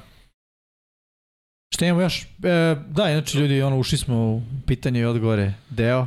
To nam je jasno, ali... Favela QB, da li se slažete sa mnom da Tampa posle utakmice sa Ramsima i tako dobijene u poslednju minutu di, uh, da se dižu i, i, vezu, i vežu neke pobede? I naravno u play-off Tom je najbolji. Pa, Trenutno je Tom daleko od play-off. Mislim, Mislim- u svakom smislu. Daleko je od te forme, aj tako kažem, pošto je divizija takva kakva je, videli smo. Čak al- nije ni problem njegova forma. Problem je, ono, znaš, što baci 50 puta na utakmici. Previše baci, ima malo touchdownova, ima u 9 mečeva 10 touchdown dodavanja ili 11. Mislim, ima samo jednu prosečanu što je sjajno, ne gube lopte, ali van ritma su konstantno napadu. Da, da. I nema opravdanja sem da Leftić ne promeni prosto ofanzivnu šemu. Da Tako nema je. toliko davanja, dodavanja, jer očigledno se ne isplati. To A je da, toliko forsiranje. Jer Scotty Miller postaje opet, kao pre dve godine, najpouzdanije rešenje za Toma. A to treba bude Mike Evans. Ne treba bude mali Scotty Miller. Tako je. Ali, To ok, što ja ne znam, ja mislim da ova pobeda protiv Remsa ne znači ništa. Jer... Ne znači ništa. Izvukli u poslednjem drive-u, Da. imali su do poslednjeg minuta 9 poena. Da, pritom to nije bila pobeda ono 35-32, nego je bila 16-9. Do 6-13. 16-13 mislim.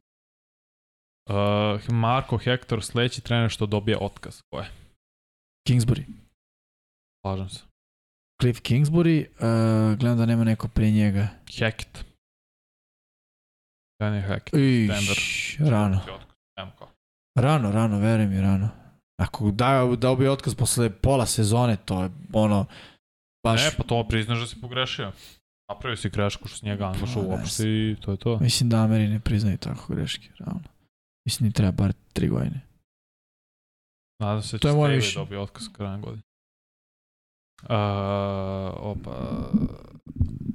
Evo, Dalibor kaže, pominjajte trčanje, trčanje, samo trčanje, stavi se u poziciji glavnog trenera, čak i ako dobija trč, trčanjem rizikuje svoju poziciju, jer će mediji svako početi da ga hejtuju u smislu da je dosadan, pa sva- sad ga hejtujemo, zato što ne zna šta radi, Pa eto ti nije. Leftwich, mislim, koji niko ne kritikuje John Harboa, koji stalno ide trčanje, ili Stefansko koji stalno ide trčanje, ili Vrabel koji stalno ide trčanje.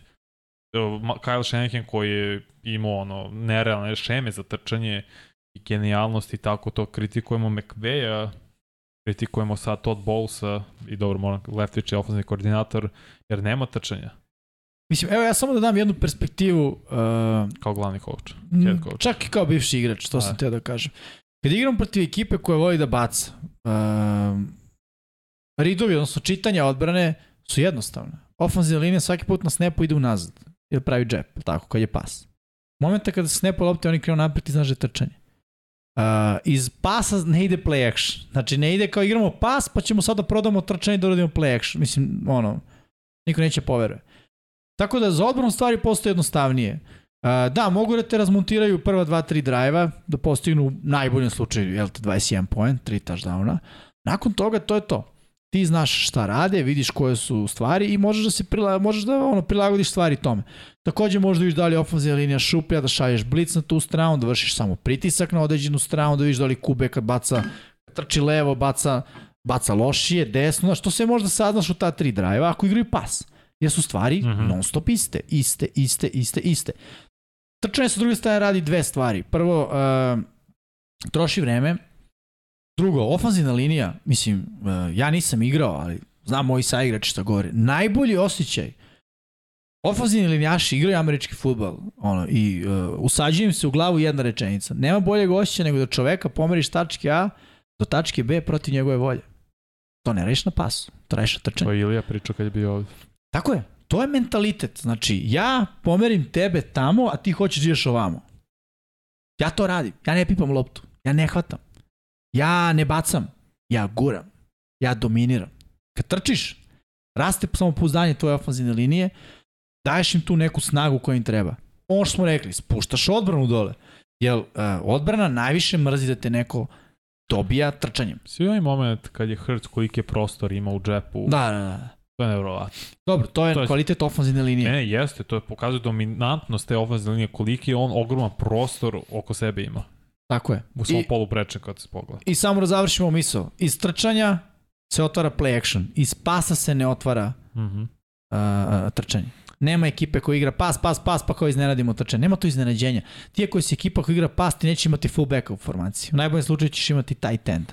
U najboljem slučaju. Sada sve češće u NFL vidimo četiri hvatača, raspoređena na različite načine, ali četiri hvatača, odnosno hvatačke opcije. Mislim da će sve više biti uh, hibridi verzije tight end slash fullback. Pa i to lagano, ono, mislim, ok, diskutabilno je, slažem se. Fullback se vraća zato što, mislim, to ti kao, kao sve u životu, sve su to ciklična kretanja, znaš. Mhm. U jednom trenutku kao igramo s non-stop fullbackom, onda se odbrana prilagodi, vrati se četvrti, treći linebacker, imamo ono, legit sedam ljudi u boksu. Onda se to lagano zaustavlja, onda ti imaš QB-a koji evoluira, koji je dodatna pretnja, ako je on dodatna pretnja, šta će ti fullback?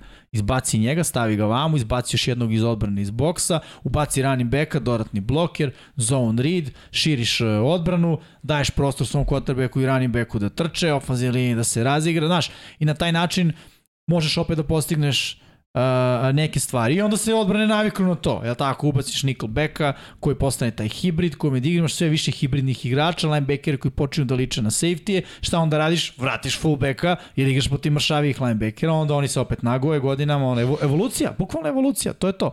Jer napad uvek diktira, odbrana se uvek prilagođava. Nema tog napada koji će da ono, kaže ovi rade ovo u odbrani, znaš, mi sad moramo da izmislimo nešto, nešto novo. Mislim, Bilo je. Ok. Istoriji par. Pa ne, mislim, jeste, jeste bilo zapravo, ali kažem, napad je uvijek taj koji postavlja tempo. Jest. Jer napad postiže poen. Mislim, to je odbrana možemo nabrojimo bukvalno jedne šaci. To je 85. odbrana Bersa, 2000 ti Da, ali ajde sad ovako, šta se desilo da bi se izmislila odbrana Bersa? Ber formacija. Šta se desilo? Futbol koji je samo ono 50 akcija, 48 Trčan, trčanja. Da. Pa, moraš da nabiješ 9 ljudi u boks. Tako je. Da bi igrao pot... Znači opet je napad diktirao šta će se da uradi. Dobi tu i odbranu Seattle 2013. Oni su ono, upropastili tada najbolji napad ikada po statistici Denver Broncos da. u Super Bowlu. E, jesu, jesu. Demolirali su, rastavili su ih. Tako je. Uh, Vojislav Andrić pita naši mid-season uh, awards, nagrade MVP. Da, vidio sam da je to nešto izašlo. Uh, pa ne znam, ti si bolji u tome, realno. Ja nekako ne gledam kroz, kroz tu prizmu jer mi je daleko. Ono, znam da može zbog rasporeda da neko deluje kao Superman i da ga ostatak sezone bude u fazonu ko, ono, na kraju da budemo zamisli kao pre 7 nedelja smo rekli. Stavio bi Patrick Mahomes sad.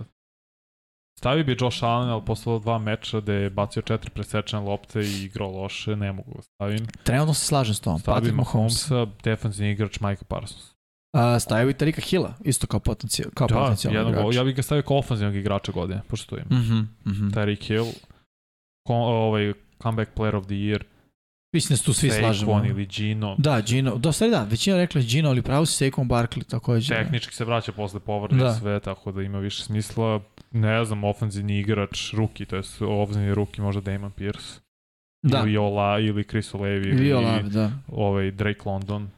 Ok, ali o, o Levi mi je tu, ili Levi, Olave, kako god. Da. Zavisi, ne da, moram njega pitam. O, da, bukvalno. A, ali on mi je, da kažem, u bolje nekako ovaj, e, priči, mada jedan i drugi imaju tanku priču na quarterbacku, ono, realno. A, da. Zbog toga mi je Pierce, jer Pierce je baš ono, milioner iz blata. Pierce tako pesno trči svaki među nevjerojatno, samo demolira defanzivni igrače. Defanzivni ruki Sos Gardner. Mora bude. Realno.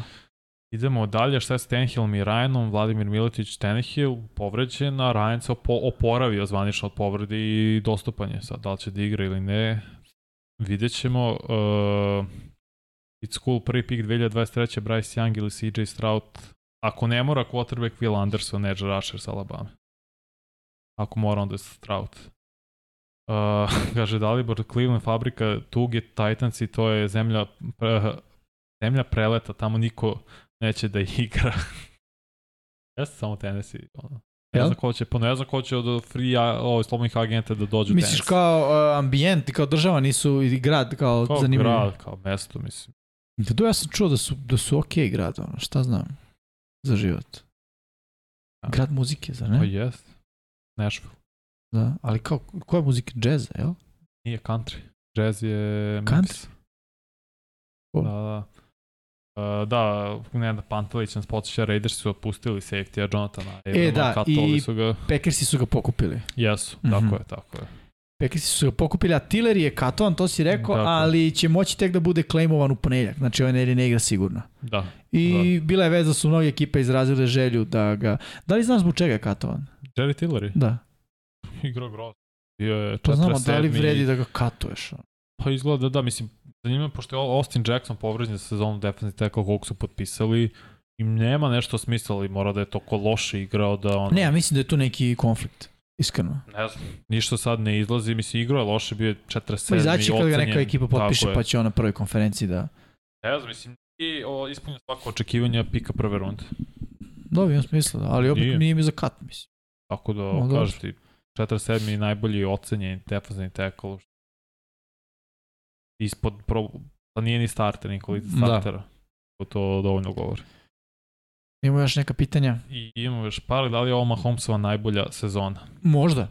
Možda jeste. Sad okej, mnogi će reći čekaj one godine kad je oborio rekord sa touchdownima Ne, i nije te to. godine kad je bio MVP, ono, sulud, on mislim se on neće ponoviti. Ne, ne, istina. Aj sad opet, te godine je bio bolji za sebe nego za tim. Ne kažem da je tim trpeo. Ali ove godine ga apsolutno vidim kao Da, lidera. Odvih je Super Bowl, za nije? Ili ne, izgubio se od Patriota tada. Da, izgubio od Od Patriota. AFC, u finalu AFC. To su te kletve. Kada imaš individualnu brutalnu sezonu, timski nećeš osvojiti Super Bowl. Baš se redko dešava. Uh, Nemanja Kovačević, da li vam se čini da je ona da je ova fila uh, ista kao Steelersi pre par godina? Prvo out, uh, pa out prvo kolo playoff. Ne, ne, mislim, oni Steelers. To se sećam da se baš kritikovao. Imali 11-0, ono. Mhm. To se videlo da napad ne funkcioniše. Nema igre trčanja, napad protiv loših timova postiže poena odbrana dominira, ovde Da. obrnuto. Ovde igra trčanja dominira. Igra jedni i napad. drugi. Da. I šta je, šta je tu takođe e, razlika? E, Fila je dobro u NFC-u, Minnesota je dobro u NFC-u, vidimo ih kao pick broj 1, to je seed broj 1 Tako i seed broj je. 2, što znači da se neće sresti do potencijalno finala konferencije. A, koga tu još imamo da je dobra ekipa u NFC-u? Minnesota, Dallas, To smo rekli Dallas, ok. Giants, Opet sa Dallasom, pošto su iz iste divizije, San mislim, Francisco. m- možda mogu da se sretnu nakon prve nedelje baja. Mogu. Ne, gledam koja bi to mogla da bude ekipa koja bi mogla da im toliko pomrsi koncert, da kažeš onako, uf, ne vidim da Fila može i dobije. A misliš u prvoj uh, nedelji... U... Pa ako budu slobodni prve nedelje u drugoj nedelji. Pa, mislim, ako San Francisco bude prvi, onda ne mogu s njima da igraju. Ili mogu zapravo. Sumem da mogu uh, 49 da budu prvi sad u ovoj Pa, aj situaciji. kažemo, Najveće 49ers. šanse imaju Eaglesi i, i Vikingsi. Ne, Ali budu okej. prvi svoje divizije. Da, Aha, jasno, na to, jasno. na to sam mislio. I ok, u tom slučaju bi bili, da kažemo, četvrti. Pa dobro, bi. igrali bi wild card, sad to zavisi koji prošao dan. Da, Gledam da. koji bi bio pool tih ekipa koji bi potencijalno u wild cardu neko pobedi, pa, Pa u naravno, San Francisco bi mogao. San Da. Francisco ne znam ekipa koja Mada trči. ako Fila bude prva, znači oni bi išli na najgori, Pa da, to na bi... lošiji si, to bi moglo da bude to- neko iz to sa juga. To, pa da, ali to bi bilo ako, to bi bilo ako bi i drugi, treći, četvrti seed dobili, a San Francisco bude četvrti seed. Pa jedno tako mogu da igraju protiv Fila, Da. na da. primjer. Da, nije nemoguće, mislim. Mada ja Cisco trenutno vidim kao najbolju ekipu u toj diviziji. Da, mislim, treba Ma, da nadoknade, ali ako slučajno izgube Chargersa, dva meča su, i ako dobije zapravo i Seahawksi, to onda dva i po meča, Seahawks im je prednost. 7-3, 4-5, to je već Da. poprilična razlika. Da, i Seahawksi bi mogli da im budu onako problematični. Ne, ver, mislim da San Francisco meni presta naj, najveću pretnju. Da, ja isto tako mislim da Fila može da pobedi prvu, prvu utakmicu u play-offu, a onda nakon toga, mislim, zavisi ono, možda i prednost domaćeg terena i ko bude protiv. Vidjet ćemo ovaj drugi deo sezone, mislim, ajde, uh, uh, Jole je rekao da li Tampa može, mislim, ne znam, ono, istina, Brady igra dobro u drugom delu sezone, ono, kao što igra dobro u drugom delu utakmice. Ali ovaj mogu to neke stvari da se promene. Opet kažem, treba to da bude zajednički napad, da Leftić promeni malo filozofiju, da počnu više da trče. Da, ne mogu da kažem da ovaj da se složim s time da će biti kao Steelers, jer Steelers su stvarno imali lakši raspored i bilo je tu šupljina, e, oni nisu trčali uopšte, bre, seti se. Znam. Samo su bacali. se kako si kritikovao. Da, i onda je to providno, mislim, zaustavlja se to. Fila ipak igra balansiran futbol. Evo, poslednje pitanje, šta mislite o klasi quarterbacku iz 2021. Za sad se, se baš loše pokazali da ne kažem da su većina na granice budu bastovi. Ajde reci ko su beš u toj... Je to... Trevor Lawrence, Justin Fields, Češće, Zach- 21. Da, Pa to nije Lorenz 21. jeste, prošle godine. A da, čovječ, u mojoj glavi mi smo već u 23. Ok, da, to kao prvi. Lawrence, Fields, Wilson, Mac Jones, Trey Lance. Trey Lance ne mogu Da. ni da ocenim. Ne, ne, pa ono, da. Ne igra. Nije rang, tako re, je ra, kako je. rangiran. Mac Jones mnogo igra slabije ove godine. Pa ima, da, ima pa, definitivno. Ja sam rekao da napad Patriot izgleda bolje sa Zepijem.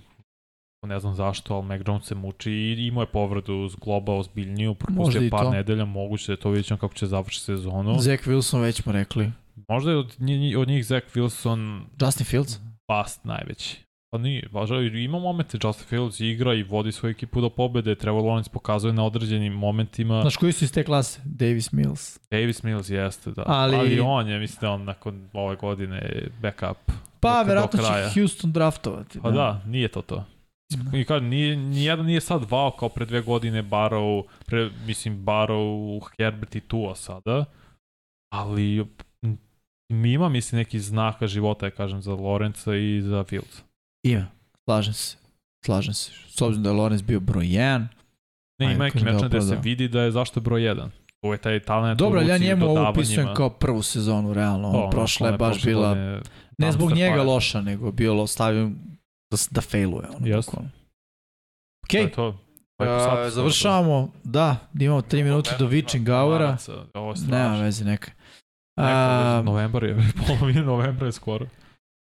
Ljudi, još jednom hvala što ste uh, bili sa nama. Ukoliko imate neka pitanja na koja možda nismo odgovorili... Vam... Pišite u komentarima, Tako je. Miksa tamo caruje. Miksa dominira YouTube-om YouTube kao njegovom jedinom društvenom da, mrežom. Da. Tako da Miksa će vam sigurno odgovoriti, uh, mi ćemo se ostali potruditi takođe. Uh, mi se nadamo da ćemo u jednom trenutku biti svi u studiju, ali on nada umire pa, poslednja. Ne, ne znam.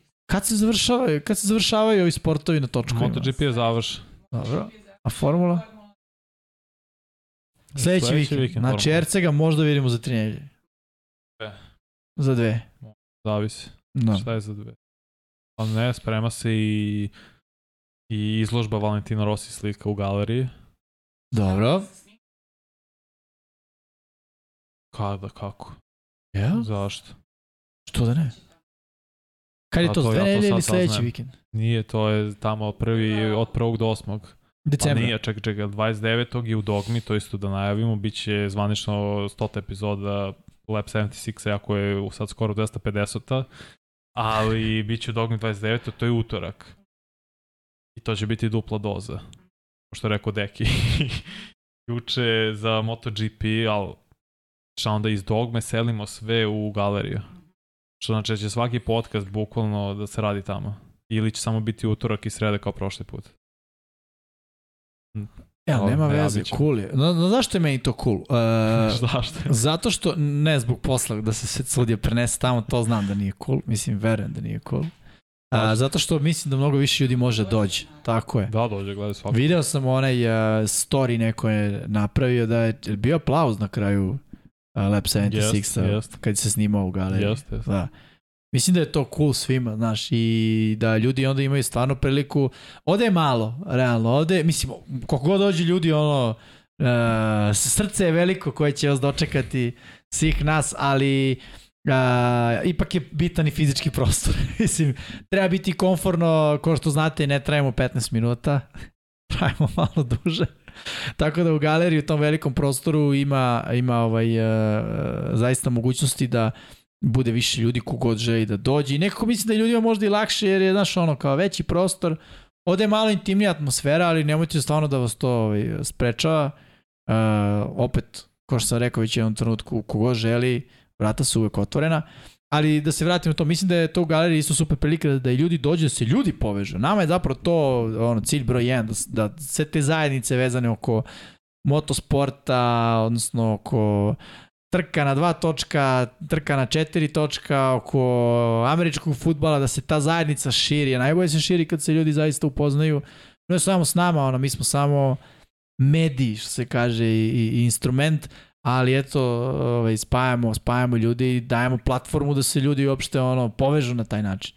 Ja nikad neću zaboraviti kad sam bio u Špilbergu, kad je e, Srđan pozvao ljude da dođe tamo u neku kafanu, blizu, blizu ovaj, Uh, I došlo je desetak, 15 ljudi. To je meni stvarno bilo onako fenomenalno druženje, znaš, ono, poznaš ljude koji imaju slične i liste interesovanja kao ti. Možeš s njima pričaš dosta dugo. I znaš ono kao, skapiraš da smo mi tu kao ono Infinity Lighthouse, ta neka spona koja sve te ljude spojila. Meni to recimo ono divno. Ne znam, možda sam ja postao romantičar. Vrlići se.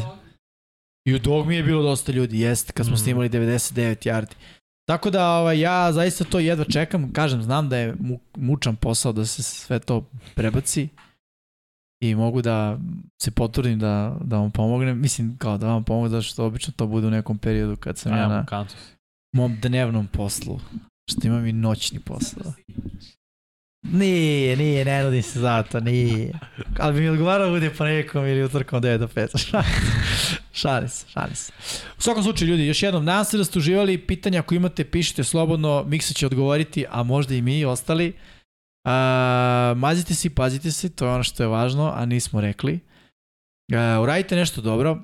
Eto, ja samo hoću istaknem jednu stvar koja je meni onako, s nekim prijateljima smo pričali, dotakli se teme a, vršnjačkog nasilja. Ja mislim da je to stvarno veliki problem na našoj ono, prostoru i želim da malo spomenem to da, da, da, da nekako skrenem pažnju na to.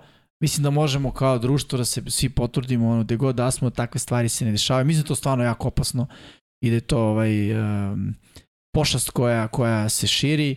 Uh, tako da eto, hoću da kažem da ukažem na, na, na, na to kao neki problem i da opet kažem, mislim da kao zajednica možemo da se borimo protiv svega zajedno i da to treba, jer ono, deca su stvarno jedna slabo zaštićena kategorija i svi smo nekako odgovorni, ono, bila to naša deca ili tuđa deca, nije bitno, ali ovaj moramo da, da brinemo da oni izrastu neke dobre ljude, a ne da budu traumirani. Vanja? Veoma lepo rečeno. Bravo, bravo. Da. Pa čuo sam stvarno neku potresnu priču i baš sam ono bio inspirisan. Ljudi, još jednom da pozdravljamo vas iz studija na kraju univerzuma. A, pratimo ove nedelje utakmice NFL-a. Ako niste izabrali vaše pikove za ovu nedelju na naš Run Your Pool, to je uradite 99jari.com. Tako je, možete i da promenite ako već jeste. Možete da promenite ako već jeste, dozvoljeno je do nedelje do, ja mislim, Tako je. 18.59. Nije do, ne, ne, do nedelje, do 3.29. A, 3.29, da, prvu utakmicu se igra u 3.30. Ceo tako. dan u nedelju je NFL, ceo dan američki futbol, tako da sedite, uživajte, ne pomerajte se jedno 10 sati i to je to. Bez. Što je kiša? Da, pa da ne bi bilo lepo Ah, vreme da Da, bi da. mogli da, da, da dodatni budemo motiv da se ostane zapravo. Tako je. Naravno, sek. Pivo. Da. Obavezno. Ako niste probali sek, Obavezno probajte. probajte, ako ste probali, recite nam kako vam se čini da vam se sviđa, nama Znaš šta je se Srki sviđa. uradio? A priče je obećam, završavamo. uh, nakon prošle nedeljne epizode zamolio sam ga, Srki, molim te, pošto je prijateljica poslala, dobila svoju diplomu, završila faks, sve to i slavila ovde u Black Turtle. Mhm. Da ne reklamiram, ali sad sam morao. I rekao sam, Srki, ponesi, molim te dva seka za nju, obećao sam joj, ne mogu da živim Luku i Kuzmu, i čovjek odne, oni se oduševili tamo. Zbunili se prvo što je jedan čovjek od 2 i nešto metra i 140 kila Odneo, odneo i tražio gde, ko je od vas Olga i on se malo istrumirala, onda videla se mi se došao da naplati neke dugove. Da, da, da. ali Srki ispod mega, car mega šmeker, tako da ono je bilo veoma cool. Hvala što ste bili sa nama, a, veliki pozdrav i družimo se sledeće nedelje. Gledamo se. Ćao svima.